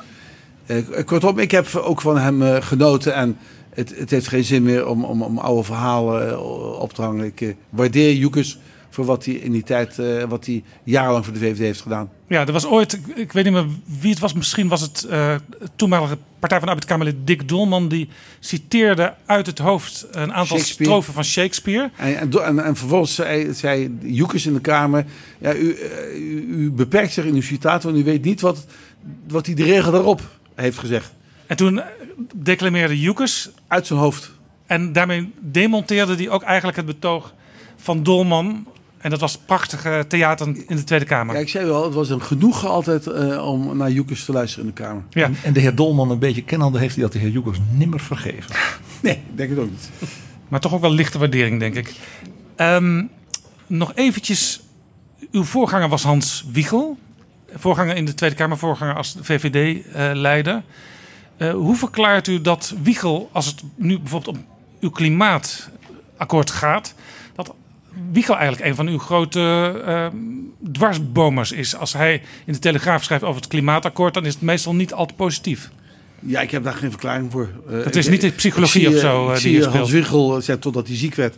Ik zie hem regelmatig. Dan hebben we altijd hele gezellige discussies. Hij heeft mij destijds uitgekozen als zijn opvolger. En we lachen veel met elkaar. En we zijn het over een aantal dingen niet met elkaar eens. En dan gaat het ook onder andere over het klimaatakkoord. Ja. ja. u wil een debatpartij, dus dat is mooi. Ja, dat, dat is prachtig. Hij mag best debatteren. En hij is geen groot deskundige op het terrein van het klimaatbeleid. Dus uh, ja, uh, hij mag zijn opvatting hebben. Dat geldt voor iedereen. Ja, die noteren we. Als we zijn columns weer gaan lezen, als hij ze mocht hervatten binnenkort. Hij is geen groot deskundige op het terrein van het klimaatbeleid. Ja, dat geeft hij zelf ook toe. Tot hij is ook de, de eerste om toe te geven dat hij geen groot... Hij heeft zijn, zijn opvattingen. En, en, en, en soms zijn dat uh, opvattingen waarvan je zegt... Nou, daar zit wat in, uh, et cetera. En soms zeg je... Uh, daar zit niks in. Hoe is het trouwens met uw, uw Friese boerderij met het hele lage energielabel G? Is die boerderij inmiddels verkocht? Nee, maar als uw programma uh, ertoe bijdraagt dat die eindelijk wordt verkocht, dan uh, krijgt u van mij een premie. Bij deze een oproep. Hartelijk dank voor dit gesprek, Ed Nijpels. Graag gedaan. Jaap Jansen en Pieter Gerrit Kroeger duiken in de politieke geschiedenis. PG, welkom in deze speciale opname van Betrouwbare Bronnen bij de SER in Den Haag, bij het Open Huis. En jij hebt een beetje nagedacht over wat er aan de oprichting van de SER, die komend jaar 70 jaar bestaat, vooraf ging. Ja, want wat de SER doet sinds 1950, dat kan natuurlijk Mariette Hamer als voorzitter veel beter zelf vertellen. En wat ze nu ook gaan doen de komende 70 jaar. Maar die SER komt natuurlijk ergens vandaan. En ja, 1950, dan denk je, hmm, wat is er gebeurd tussen de bevrijding in 44 voor het zuiden van Nederland en 45 voor met name ook de, de Randstad in dat jaar 1950. Ja, daar zit dus ruim vijf jaar tussen. Ja. En dat, dus ik heb gedacht, ik ga mij. Heel veel mensen waren in de, in de oorlogstijd, tijdens de bezetting, al bezig met na te denken hoe moet Nederland er straks, als we weer bevrijd zijn, eruit zien. Er werden bijvoorbeeld al plannen gemaakt om kranten en tijdschriften op te richten. Nieuwe politieke partijen. Uh, bijvoorbeeld de Stichting van de Arbeid, die vaak verward wordt met de SER. Uh, die is meteen na de bevrijding als een soort privaat samenwerkingsproject gestart door de werkgevers en de werknemers. Dus dat zegt iets. Er was dus ook al in bijvoorbeeld die gevangenkampen, zoals Vught en dergelijke, al door mensen als Drees en de vakbondsleiders en de mensen uit de kerken en wat al niet gepraat. Want ja, wat moesten ze anders doen in die gevangenis? Van hoe gaan we als we bevrijd worden ooit, hè, wat men natuurlijk, men snakte natuurlijk naar dat moment. Uh, hoe gaan we dan Nederland weer ja, herstellen? Maar dan was het gekke, het duurde toch nog vijf jaar ja. voordat die SER werd opgericht. En dat is dus zo interessant. Dus ik wil het eigenlijk over die vijf jaar hebben. Nou, we beginnen dus het Nederland van 1945. Het land was verwoest. Het westen van het land, zeg maar Noord-Holland, Utrecht, uh, uh, Zuid-Holland, dus het dichtst bevolkte gedeelte van het land, was uitgehongerd. We kennen de term de hongerwinter. er was gewoon letterlijk niets meer te eten. Ja, de hongerwinter was ook op het laatste moment van de bezetting. Hè? De rest van Nederland was al bevrijd. Dat was dus een heel rare tegenstelling. Aan de ene kant dachten ze al, wij gaan opnieuw het land opbouwen. En aan de andere kant nog de grootste honger die je kunt indenken. Ja, en rondom dus die Randstad lagen dus de troepen van de Canadezen met name om natuurlijk nou ja, toe te slaan als dat kon, eh, om de Duitsers alsnog te verjagen. Dus het was ook nog, de rest van Nederland was dus nog wel in een soort bezetting door de bevrijders. Het was dus niet dat het land weer normaal geregeerd kon worden. Nou, eh, tienduizenden mensen van de honger omgekomen. Ja, dat, laat het even tot je door. Gewoon mensen die gewoon dood gingen van de honger. De infrastructuur van het land lag in puin. Denk even de brug in Arnhem en al die andere bruggen eh, over die rivieren. Hè, daar zijn films over gemaakt, eh, zelfs speelfilms over Arnhem. Maar denk ook even aan, onlangs zeer groot herinnerd en herdacht, de slag om de Schelde. Waarbij dus om Antwerpen vrij te hebben voor, zeg maar, ja, met name dus de import van benzine en zo, voor de tanks en alles. Want het moest allemaal nog uit Normandië komen. Hè? Ja, dat, dat kon niet via de Schelde naar Antwerpen. Nee, dus, dus, dus Zeeland moest worden in feite opengeschoten voor de, de, de, de, olietanks van de Amerikanen. En ja, daar hebben ze dus onder andere eh, eh, dus gewoon alle dijken in Walcheren kapot moeten bombarderen. Eh, waarbij dus eigenlijk net zo erg als in 53 met de stormramp heel, heel Zeeland gewoon blank stond. Ja, en de Joodse eh, bevolking die voor een groot deel natuurlijk was afgevoerd naar kampen. Ja. Eh, wie dat overleefd hadden, die kwamen langzaam ook weer terug naar Nederland. Ja, na, na eh, zeg maar in de, het voorjaar en de zomer van 45. En toen pas drong het dus door dat ja, bijna niemand levend terugkwam. En vooral een stad als Amsterdam. Amsterdam was natuurlijk een, het kleurrijke, cultureel stralende mokum. Een soort ho- culturele hoofdstad van, van Joods Europa, hè, samen met Berlijn en, en Wenen. Dat, op dat niveau was Amsterdam. Er was dus niets meer. Nee, dat, Dat- dat, was dus de situatie waarin Nederland zich bevond na vijf jaar bezetting. Nederland was een getraumatiseerd land. En de beste bewijs dat de Nederlandse samenleving dus echt ontwricht was, was de manier waarop dus die weinige Joden die levend terugkwamen uit Auschwitz en Bergen-Belsen en wat dan hoe die behandeld zijn. Dat gaf aan dat dus de bevolking, de samenleving geen idee had. Men was met zijn eigen leed bezig en er was dus niet een soort van, ja we moeten het samen doen. Ja, en er waren volgens mij ook twee gedachten op dat moment. De eerste, wat jij nu eigenlijk zegt. We hebben die vreselijke bezetting gehad. Laten we maar zo snel mogelijk overgaan tot de orde van de dag zoals wij die Vergeten, vergeten. in 1940 nog kenden. En er was ook nog een andere gedachte.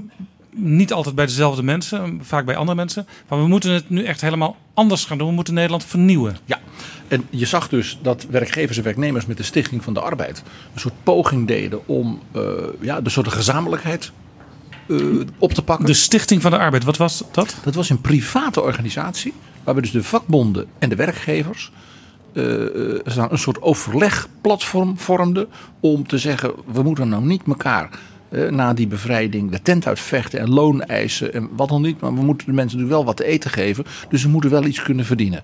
Dus een poging om een soort ja, polderachtig compromis avant la lettre te doen. Alleen het interessante was, dit was een private activiteit. De overheid zat haar niet bij. En dat zegt iets. Werkgevers en werknemers. Dat zegt iets, namelijk dat die overheid, zoals ik net zei, van 45, 46, volledig getraumatiseerd was. Eh, de regering kwam natuurlijk terug uit Londen. Koningin Wilhelmina kwam terug uit Londen. En ja, die hadden dus, en ik kun je ze niet heel erg verwijten, maar die hadden geïsoleerd gezeten daar in Londen. Eh, en waren dus in een soort greep gekomen van wat zij dachten wat er in Nederland gebeurd was. Namelijk dat een volk van helden, dus massaal verzet hadden gepleegd met een enkele verrader. Ja, want het verhaal is ook dat Wilhelmina, de, wat toen heette de Engelandvaarders, op de koffie, op de thee ontving thuis in Londen. En dat werd bepaalde voor haar een beetje het beeld van, eh, zo zijn al die Nederlanders, zo heldhaftig. Iedereen is zo. Eh, we weten uit de onlangs verschenen dagboeken van haar minister van Buitenlandse Zaken, van Kleffens, dat ze ook niet meer vatbaar was voor andere geluiden. Dit ga- gaf haar ook een soort geloof in dat ze als ze terugkwam, dat ze dan net als Willem van Oranje, als het ware, Oranje zou Nederland weer redden en leiden. Het was ook diep autoritair, was ze daarin. En, en ze werd ook aangemoedigd door die mensen. D- dat, heeft, dat best iets tragisch, vind ik. Nou, het idee was dus, er zou een heel nieuw bewind komen in Nederland. Door die helden natuurlijk aangevoerd, met de koningin als leidsfiguur.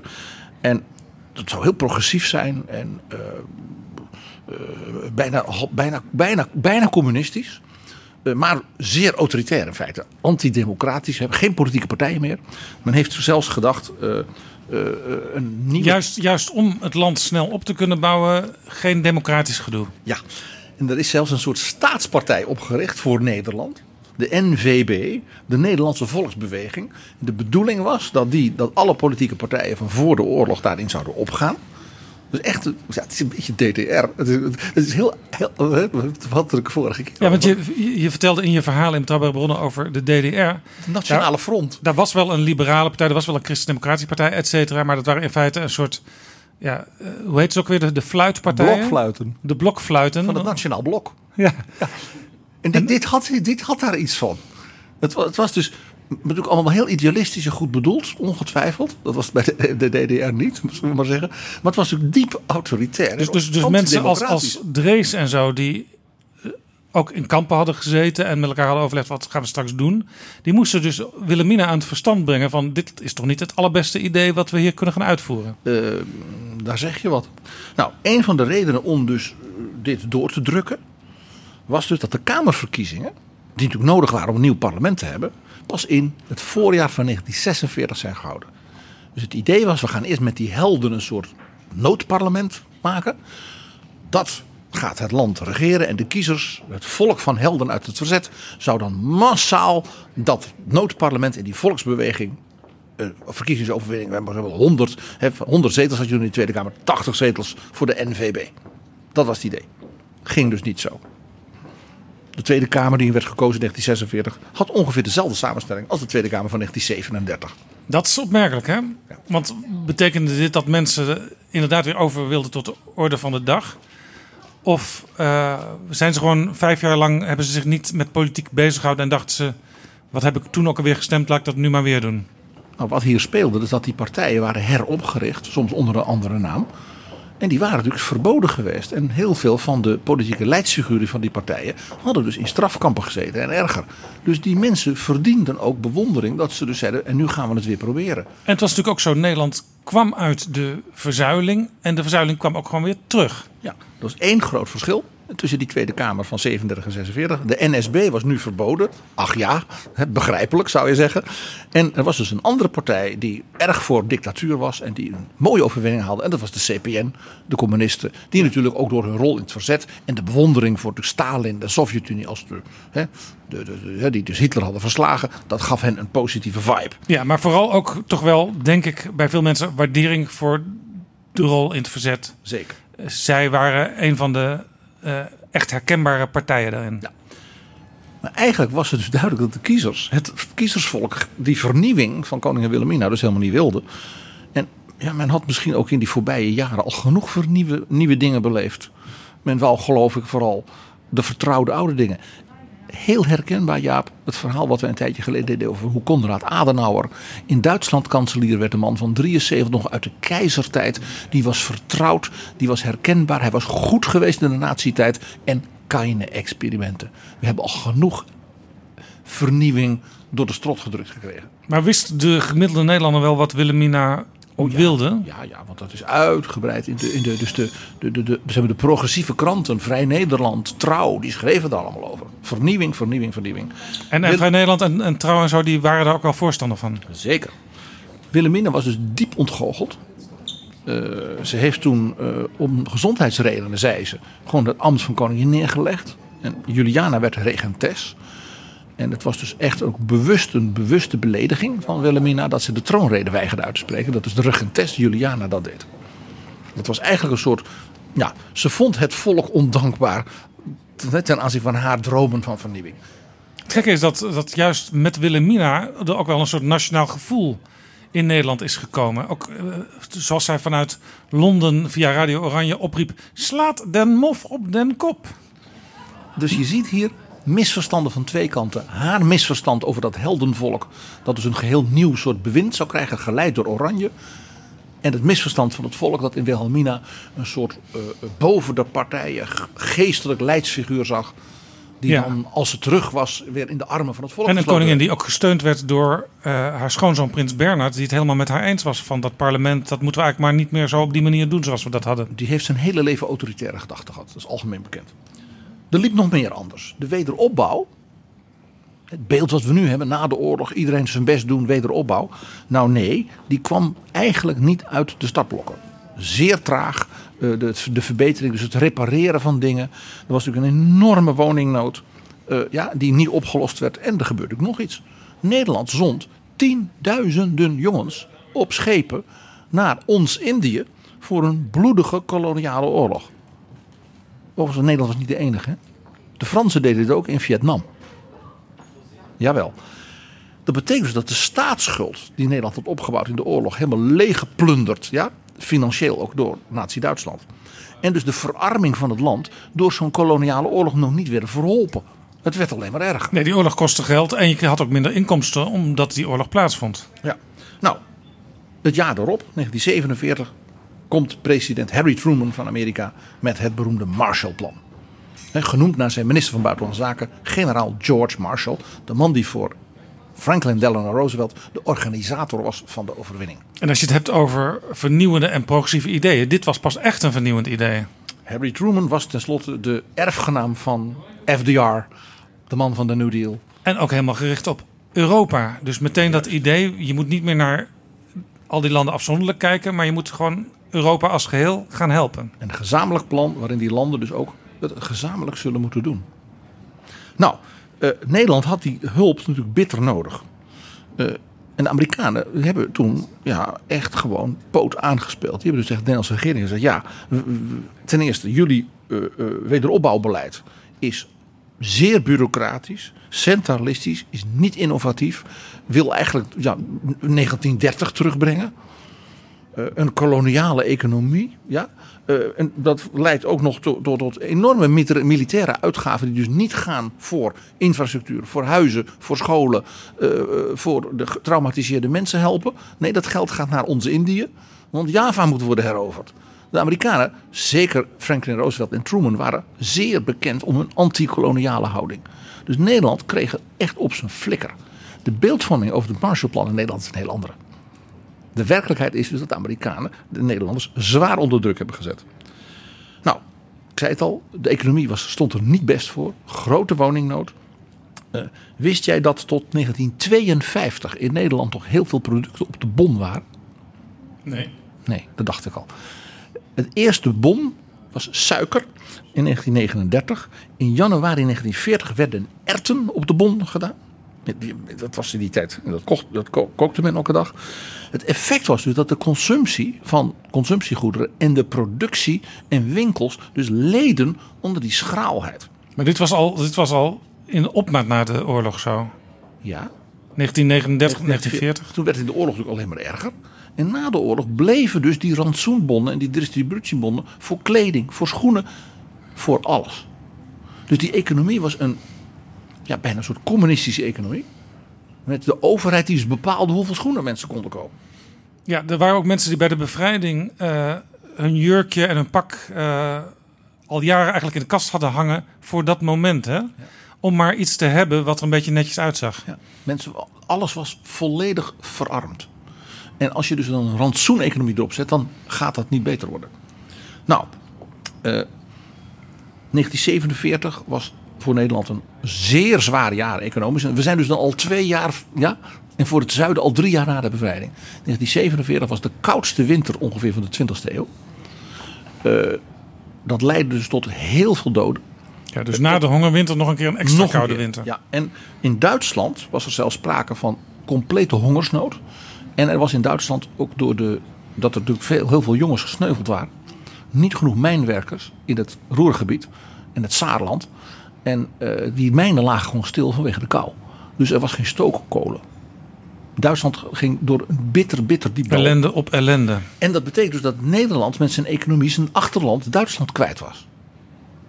Nou, uh, dat was de reden waarom de, Duitse, waarom de geallieerden dus in 1947 zeiden... we gaan dit anders aanpakken. Ze hebben de bezettingszones in Duitsland bij elkaar geschoven. geschoven dus wat wij dus West-Duitsland noemen. Ze hebben toen de D-mark ingevoerd. Wist jij dat op dat moment nog de munt uit de nazi-tijd in Duitsland gold? De Reichsmark. Voor het gemak. Nou ja, die was er. Alleen, er was natuurlijk zo'n enorme economische puinzooi. Dat ze gezegd, we gaan gewoon die munt afschaffen. We voeren een nieuwe munt in, de D-mark. Gebaseerd op goede banken. Van die bezettingssommen gezamenlijk. En vervolgens werd Adenauer kanselier enzovoort. Ja, dus in die zin leek het in Nederland ook een beetje op Duitsland. Ze waren allebei nog maar heel traag op gang aan het komen. Opmerkelijk.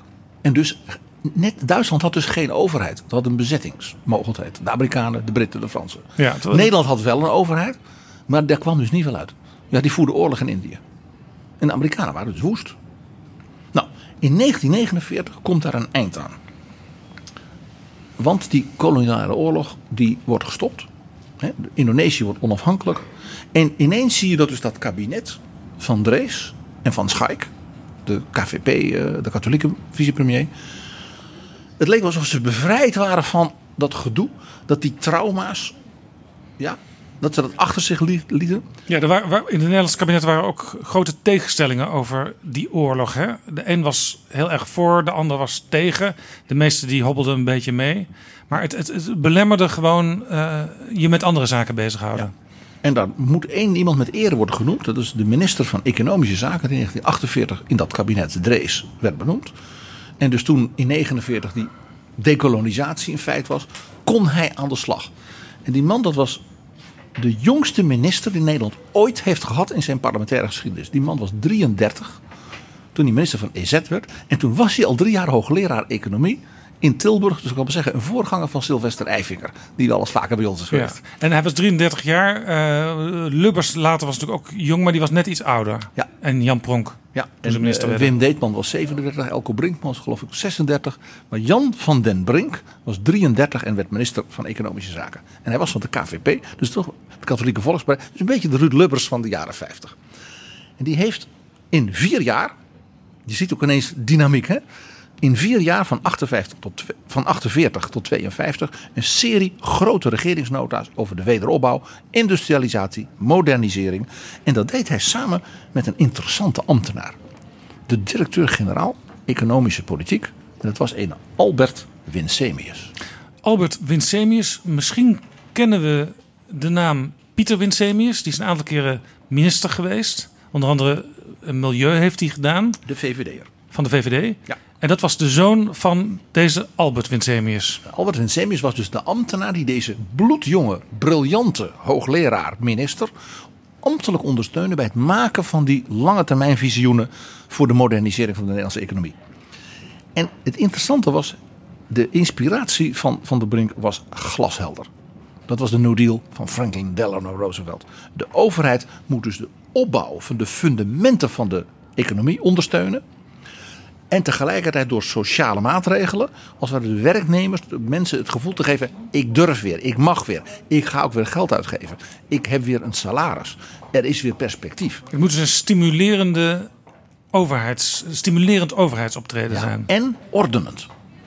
Dat was typisch ook de katholieke kant van Van den Brink. Hij was dus een FDR-man, zou je bijna zeggen. Maar een katholieke FDR-man. Dus ook de ordening van de economie. Dus, dus dat mensen het idee krijgen, eh, ik heb een taak en die ga ik uitvoeren. En daar heeft de overheid dan een soort coördinerende rol in. Ja, de overheid stimuleert dus ook eh, het vernieuwde infrastructuur, de woningbouw, eh, de, mogelijk maken dat er nieuwe industrieën komen en dergelijke. Het geld van de Marshallplan werd dus daardoor ineens strategisch ingezet voor dat beleid.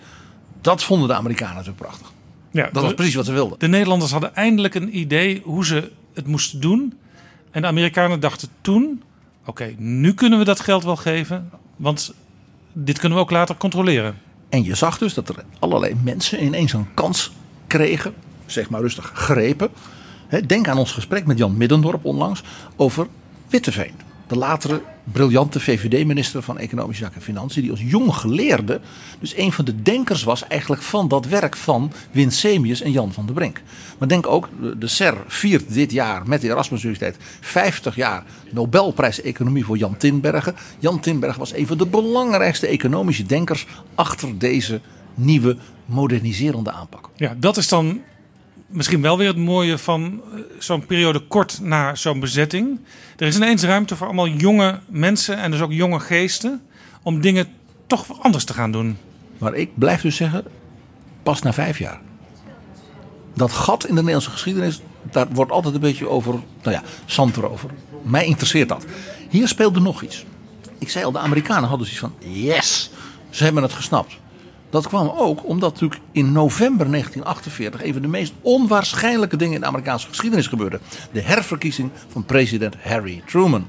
Niemand gaf een cent voor zijn kansen en hij won. Er waren zelfs al kranten gedrukt waarin, waar de kop stond... Dewey defeats Truman. Ja. Waar die Truman, toen hij uiteindelijk bleek te winnen, triomfantelijk mee omhoog kon gaan staan. Dat was de Chicago Tribune en die krant haatte hem.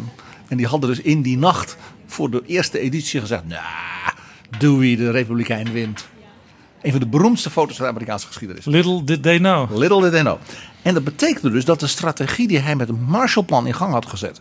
met het samenwerken met Europa... ineens echt kon worden doorgezet. En dat leverde dus voor Nederland ook druk op uit Amerika, zoals ik al zei. Maar ook let's go. Ja? Deze president gaat ons nu vier jaar op die goede weg helpen. Dus de oorlog in Indië werd gestaakt. En je zag dus de, de aanhangers eigenlijk van de, de, economische theorie van John Maynard Keynes. Van FDR en van Truman zelf. Want Truman had een vervolg op de New Deal bedacht. Dat heette de Fair Deal.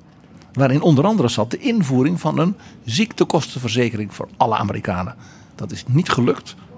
Dat heeft hij niet voor elkaar gekregen. Het was Barack Obama die dit idee uiteindelijk voor elkaar kreeg. Ja, wat nu op dit moment natuurlijk weer ter discussie staat onder Trump. Alles staat ter discussie.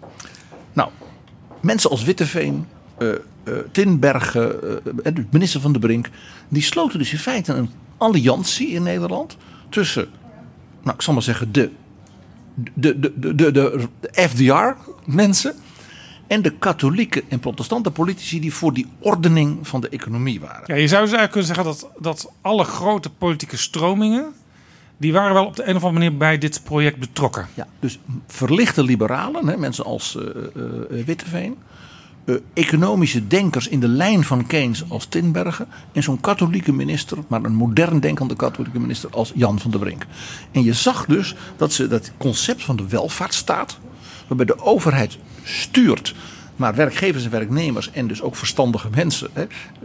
Van der Brink was natuurlijk hoogleraar economie. Die, zei, die moet je erbij halen en dan, die gaan samen een lange termijn visie ontwikkelen. Ja, we hadden het een paar afleveringen van Betrouwbare Bronnen geleden over de vrijheid van onderwijs. En hoe uh, dat idee in 1917 uh, tot een soort synthese werd gebracht. Tussen grote tegenstanders. Ja. Lohman en Troelstra. De Saar van in Lohman uit de christelijke hoek. Aan de andere kant de socialist, de sociaaldemocraat Troelstra. Ja. En die gingen bij elkaar zitten en die kwamen tot een, eigenlijk een heel slim plan.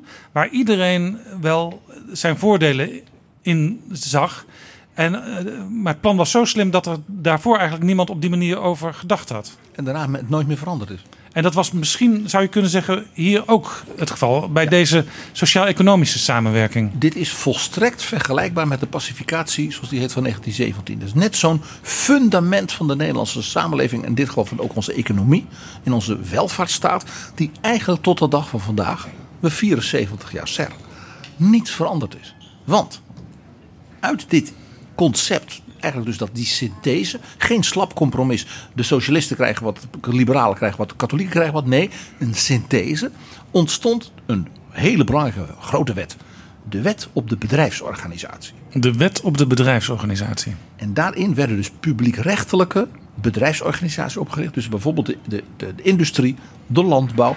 Dan konden de werkgevers en de werknemers plus experts in een soort tripartiet overleg met elkaar de lange termijn bespreken en afspraken maken over de loonontwikkeling, over bijvoorbeeld uh, werktijden en dergelijke. En dat was dan dus bij wet. En dit komt heel erg uit uh, het katholieke denken. Hè? Dit komt uit de katholieke sociale leer en ook de protestante sociale leer. Maar werd dus ingevuld, verrijkt met, ik zal maar zeggen, dus de New Deal filosofie. Van dat moet je dus opbouwen en structureel opbouwen. Dus structureren in die bedrijfsorganisatie.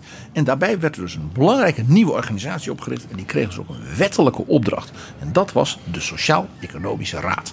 Onze gastheren van vandaag, van gastvrouw Mariette Hamer, is daarvoor opgericht. Die moest dus twee dingen doen. Die was het toezichtorgaan op die publieksrechtelijke bedrijfsorganisaties. Op die sectorale organisaties. Want die moesten natuurlijk wel een beetje bij de les houden. Dat ze dus zeg maar, de mijnbouw niet alleen maar iets deed voor de eigenaren van de Limburgse mijnen. Ja, en bij wijze van als je vanuit het moment nu kijkt, klimaatakkoord. Eh, dat niet één sector alle problemen moet oplossen, maar dat dat in alle sectoren op een bepaalde manier gedaan wordt. En dat je daar, uiteindelijk ook gezamenlijk aan één tafel over praat. Ja, dat je zegt, we hebben een probleem. Weet je wat, we gaan alle boeren de helft van hun kippen afpakken. Bijvoorbeeld. Dat is dan de, daar zou je dan kritisch naar kunnen kijken. Dat is nee, dus de, ene kant. maximumsnelheid moet ook omlaag. Ver- Verzin maar wat. En de, de verbouwing van het, nieuw, van het Binnenhof mag ook niet doorgaan. Ja. Ehm, eh, dus één, toezicht op die publiekrechtelijke beleidsorganisatie is vanuit het algemeen belang. En dat betekent dat die SER, de sociale koers, dat algemeen belang dus ook moest definiëren. En dat gebeurde dus door werkgevers, werknemers en die kroonleden, dus het waren dus hoogleraren. Je ziet hier dus de inspiratie van Jan van der Brink ook. Zelf hoogleraar met 30 hè, in de economie. Ja, en die kroonleden kwamen er dus bij. hè. Want je vertelde net, je had al de Stichting van de Arbeid. Dat waren alleen werkgevers, werknemers. En was een private, was een private kwestie. Dit was dus een wet op de bedrijfsorganisatie, waarbij dus de wet, een wet dus ook taken aan die SER gaf. Dus dat betekent dat die werkgevers en werknemers en die kroonleden dus een wet hadden uit te, werken. En dus ook dat lange termijnvisie van het algemeen belang, waar dan die PBO's, zoals ze dat heten, zich onder moesten scharen. Misschien een hele ra- rare vraag, maar was dit dan toch niet een beetje wat Wilhelmina eigenlijk ook wel kon waarderen? Want die wilde natuurlijk geen democratisch gedoe. Maar als iedereen nou altijd netjes samenwerkt, dan is het ook heel mooi. Eh, nou, Wilhelmina dacht niet zo ordenend. En zeker niet katholiek. Eh, het interessante was dus dat dus die SER een onafhankelijke organisatie was. Met een wettelijke status. Dus die kon niet zeg maar, overroeld worden door een motie in de Kamer. of, Ja? Dus daardoor dat onafhankelijk was belangrijk. Zodat de wetenschap en mensen uit de grote maatschappelijke organisaties. Vakbonden, werkgevers, maar ook de onderwijsorganisaties. Die dachten allemaal mee. De bedoeling was dus lange termijnvisie, zodat de regering die visies kon oppakken en vertalen in nou, beleid, in wetten en dergelijke. Nou, dus die, die, eh, die SER, die ging aan het werk. En ja, dat werd echt- het kloppend hart van wat wij de polder zijn gaan noemen. En dan kreeg je dus alle hele bijzondere mensen eh, als voorzitters. eh, iemand we kennen allemaal Herman Wijfels, Alexander Renoy.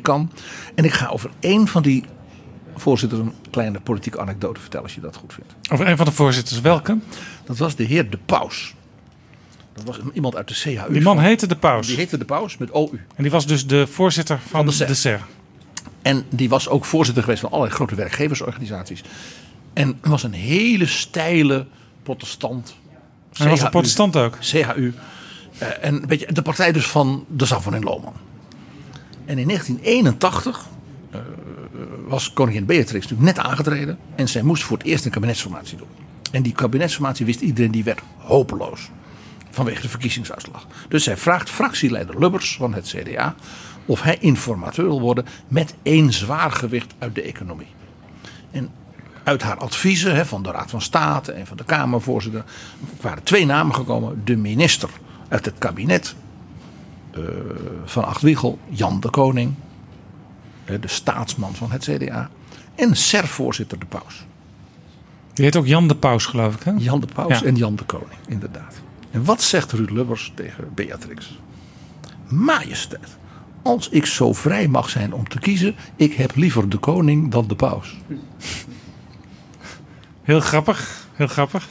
Typisch wat ik maar noem Lubberiaanse humor. Ja, ik heb trouwens thuis een boek in de boekenkast staan. Toen was Joop den Uyl op een bepaald moment eh, jarig. Had een soort echt kroonjaar. Ze hebben een aantal vrienden van hem, onder wie eh Cenk Willink, die hebben een boekje voor hem samengesteld. Dat was toen hij 60 werd. Ja, Ja. en daar kwam eh, ook een soort voorspelling in voor komende kabinetten. En daar hadden ze het over het kabinet De Paus 1. Inderdaad. Schiet mij nu ineens te binnen. Even nog een leuk dingetje over Jan van der Brink. Die briljante, zeer jonge minister, hoogleraar. Na vier jaar had hij dus als het ware de Nederlandse economie opgeschud. De SER was er in 50. Dus na vier jaar zei hij, ik ben klaar. En werd toen iets heel belangrijks in het bankwezen en dit en dat. dat. En in 1977 kwam het kabinet van Acht Wiegel, zoals je weet. Maar Van Acht wilde helemaal geen premier worden. Dat vond hij niks. Hij had er helemaal geen zin in. En hij was bang dat hij het niet kon. Ja, vannacht had natuurlijk ook al een aantal jaren eh, ellende meegemaakt met de Partij van de Arbeid. Die wilde hem niet. Nou, toen kon hij het zelf worden. De Partij van de Arbeid was afgeschud. De VVD met Wiegel, sigaren rokend en gezellig etend. eh, Glaasje die deed eigenlijk alles wat Van Acht prettig vond. Ja, en maar toch stijl. dacht Van Acht, ik wil het eigenlijk niet meer. Ik wil eruit. Hij was natuurlijk vicepremier geweest in meerdere kabinetten. Had zeer geleden onder die conflicten. En ook onder de enorme druk geestelijk op hem van al die gijzelingen. En eh, dat soort dingen. Dat, dat frat aan hem. De treinkapingen. Precies. Dus die dacht, misschien moest ik het maar niet doen. Toen heeft hij achter de rug van zijn partijbestuur om. Ja, dat is echt van acht. Een hele appartement, zal ik maar zeggen. Een beetje excentriek wel. Is hij dus allemaal mensen gaan bellen. Van zou jij niet in plaats van mij premier willen worden? En één daarvan was dus Jan van der Brink. Die was toen natuurlijk, ik denk eind 50, begin 60. Ja, nog steeds jong. Die was nog steeds jong. En dat partijbestuur van het CDA kreeg dus verslag van hem dat hij had gebeld met die en die. En met Jan van der Brink. En een groot deel van het partijbestuur zei: Wie is Jan van der Brink? En toen hebben ze van achter. Toen was er ook nog geen betrouwbare bronnen om dat te kunnen weten. Nee, die- er was geen historische rubriek nog. Hè? En, en, eh, eh, en ja, dus Van Acht is toen tamelijk bruut helder gemaakt. Met name door de, de, de, de machtigste vrouw in het CDA. Madeleine de Wijte de Weerdersloot. De Wijkersloot de Weer. De Wijkersloot op. Maar, nee, ik, ik weet het Madeleine. precies. Madeleine Leijten de Wijkersloot de, Weerdestein. Lid van het partijbestuur van het CDA. En later lid van de Raad van State zonder ooit minister geweest te zijn. De machtigste vrouw in die partij. En die was een van de weinige mensen die Van Acht dus bestraffend kon toespreken. Dat is een hele bijzondere gaaf. Zij had overwicht op Dries. Zeer. Ja, ja, ja, ja. Hij was zelfs een beetje bang voor haar. En eh, dus toen is hij toch maar zelf premier geworden. Zo zie je dus hoe de geschiedenis van de SER ook weer samenhangt met niet alleen maar die polder, maar dus ook met de top van de Nederlandse politiek. Ja, en een hele belangrijke rol van een vrouw die we eigenlijk niet kennen. Want die, zij was altijd op de achtergrond bezig, Madeleine Leijten. Madeleine Leijten was zo machtig in de KVP en daarna in het CDA dat ze om die reden ook nooit minister wilde worden. Want als minister had je helemaal niet zoveel te vertellen. Dat is toch bijzonder, hè? En had eh, Jan van den Brink trouwens nog bij zichzelf gedacht... ach, als ze dat nou echt willen, dan doe ik dat wel? Nee, die heeft onmiddellijk tegen Van Achter iets gezegd. Ik ben helemaal gek geworden. Volgens mij was hij toen directeur van de Amro-bank of iets dergelijks. Daar daar verdiende hij waarschijnlijk ook veel meer dan wanneer hij premier was geworden. Nou, het, geeft, het geeft wel aan hoe eh, toen iemand die bijvoorbeeld voorzitter van de SER was... eh, op heel veel vlakken ook belangrijk was in de Nederlandse economie en de Nederlandse politiek. Ja, en het grappige is, die oorspronkelijke taak, dat toezicht op die PBO's, hè, uit de katholieke sociale leer, gevuld dus met de progressieve denklijn van Franklin Roosevelt, Truman en de, en de New Deal. Dat heeft de fase van de economie van de wederopbouw niet overleefd. De behoefte aan die PBO's viel vrij snel weg, ook door de modernisering van de economie. En het is dus geen toeval dat het kabinet Rutte 2, in de tijd dat het CDA ook nog maar, nog maar 13 zetels in de Kamer had, hè, in 2015 die PBO's heeft opgeheven. Maar je zou zou kunnen zeggen, de economie kon met zichzelf voort. Die had geen steuntje in de rug meer nodig. Niet meer op die manier. Maar de SER was er natuurlijk nog wel. Ja, hetzelfde kabinet Rutte 2 heeft tenslotte Mariette Hamer benoemd tot voorzitter van de SER. En één ding, dat bleek ook uit onze gesprekken. De SER eh, is niet ten onder gegaan door de opheffing van de PBO's en die taak. Ze bloeit dus nooit tevoren. Ik heb het geloof ik al verteld hè, dat in de, na de Arabische lente de polder en de regering van Tunesië, Mark Rutte en Mariette Hamer hebben uitgenodigd om met een delegatie naar Tunis te vliegen om die mensen te leren polderen. Zo van, hoe doe je dat nou? Ja, dat is toch prachtig? Nou, dus eh, ja, eigenlijk is de SER helemaal terug in het centrum Dus van de in Tunesië een pensioenakkoord. Een pensioenakkoord in Tunesië, ja, wie weet. Eh, eh, in elk geval, ze zijn dus weer op een eigen tijdse manier weer terug in het centrum van wat je maar noemt de overleg-economie. Dat zag je dus ook bij het pensioenakkoord, het klimaatakkoord, leven lang ontwikkelen en wat niet. Maatschappelijk verantwoord ondernemen, al die convenanten. Het is iets heel interessants. Dus een soort herleving van, van, van, van dat beginsel van Jan van der Brink, Witteveen, Tinbergen. Dus terecht ook dat Tinbergen dit jaar zo ge- gevierd wordt als economisch denker. Ik moet ineens ook weer aan dat beeld van dat vaasje van Mark Rutte denken. Rutte die ineens in een krantenadvertentie een teer vaasje met Hollandse molentjes erop en zo geschilderd. Porselein. eh Delfts blauw eh, vasthoudt. En eigenlijk dat als symbool ziet van eh, wat we in Nederland hebben, dat is mooi. Dat is waardevol. Kwetsbaar. Maar we moeten wel samen zorgen dat het eh, wordt voortgezet. En eh, pak elkaar niet te hard aan in Nederland. En laten we zorgen, laten we dus samen de schouders eronder zetten. Heel interessant vond ik eh, in jouw gesprek met Ed Nijpels dat hij terecht er trots op was dat de waterschappen unaniem zijn klimaatakkoord steunden. En dat is interessant. De waterschappen zijn natuurlijk het oudste vorm van polderbestuur. Letterlijk en figuurlijk het polderen met elkaar. Dus de SER is als daar ook een soort vervolg op die middeleeuwse structuur van de waterschappen. En het vaasje van Mark Rutte, idem dito. Uh, een Franse uh, politicus, een De Gaulle, een Mitterrand of een Franse denker, die zou dan zeggen: Plus que ça change, plus que ça reste la même. Plus que ça change, plus que ça reste la même. Que ça reste la même. Hoe meer het verandert, hoe meer het hetzelfde blijft. PG, dankjewel voor dit mooie verhaal. Mag ik nog één voetnoot uit de historie in een minuut doen? Ja, ik weet waar je het over wil hebben, want uh, in de vorige betrouwbare bronnen uh, had ik het met Christ Klep. Dat kan bijna niet anders als je het over uh, Nederland, de wereld, defensie hebt. Over president Trump. Christ Klep kon niet indenken waar nu eigenlijk het belang zit van Amerika bij hun optreden nu rondom Syrië, Noord-Syrië. En het de weg vrijgeven aan de uh, Turken om daar huis te houden. Daar is eigenlijk, als je er goed over nadenkt, geen voordeel uit te halen voor de Amerikanen. Het enige voordeel is dat Trump zijn kiezers iets heeft beloofd en dat komt hij na. Namelijk, wij trekken ons een beetje terug uit de wereld. En met Chris Klep had ik het ook over die rare uitspraak van Trump, die op een gegeven moment uh, vorige week riep. Ja, die Koerden die moeten niet zo zeuren. Uh, we hebben ook trouwens nooit iets aan die Koerden gehad. Die hebben ons niet eens geholpen in 1944 bij de bevrijding van Europa. Waar waren de Koerden op Omaha Beach en op D-Day? En daar, daar wilde jij nog wat over zeggen. Ik vond dat echt verschrikkelijk. Ik ga je iets vertellen over de rol van de Koerden in de Tweede Wereldoorlog. De Britten hebben in 1920 in Irak, dus in Bagdad, koning Faisal ibn Hussein geïnstalleerd. Dus koning Faisal, de zoon van Hussein. De Britten hebben hem geïnstalleerd in Irak. Ja. En hij was, was familie van een vorstenhuis dat wij nu nog kennen, de Hashemiten van Jordanië. Daar was hij dus een neef van, van dat huis. En die mensen zijn rechtstreeks afstammelingen van de profeet Mohammed. Ja, doet mij ineens ook aan Europa denken. Al jouw verhalen over Europa, waar ook al die koningshuizen familie van elkaar waren. Dat was dus in het Midden-Oosten niet anders. Maar deze waren dus heel bijzonder. Dus die hadden een nog hogere status dan bijvoorbeeld de Saoedische koningen. Want ook de huidige koning van Jordanië en zijn, en zijn vader, koning Hussein, waren rechtstreeks afstammelingen in de mannelijke lijn van de profeet. Ja, dan, hè, dan ben je wat. Dus die koning uh, Faisal, die richtte een monarchaal bewind in en dat ging goed. En de Britten hebben in 1932 dus Irak een onafhankelijke staat gemaakt. Heel ongebruikelijk bij de Britten. Dat ze een kolonie gewoon, hè, net als Canada, onafhankelijk maken. Ja, dat is eigenlijk een heel voorbeeldig iets. En dat had meer moeten gebeuren, natuurlijk waarschijnlijk al in eerdere stadia.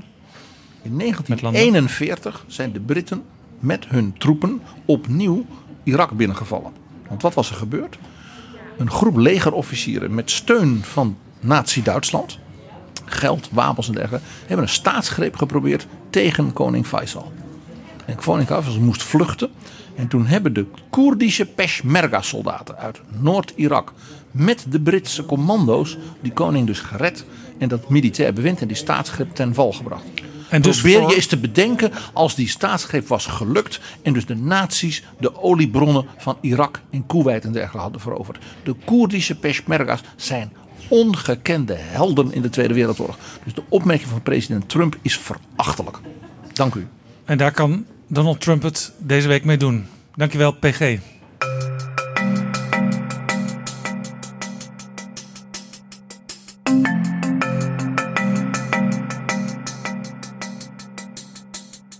Zo, dit was Betrouwbare Bronnen, aflevering 55. Live opgenomen tijdens het open huis van de SER op 11 oktober.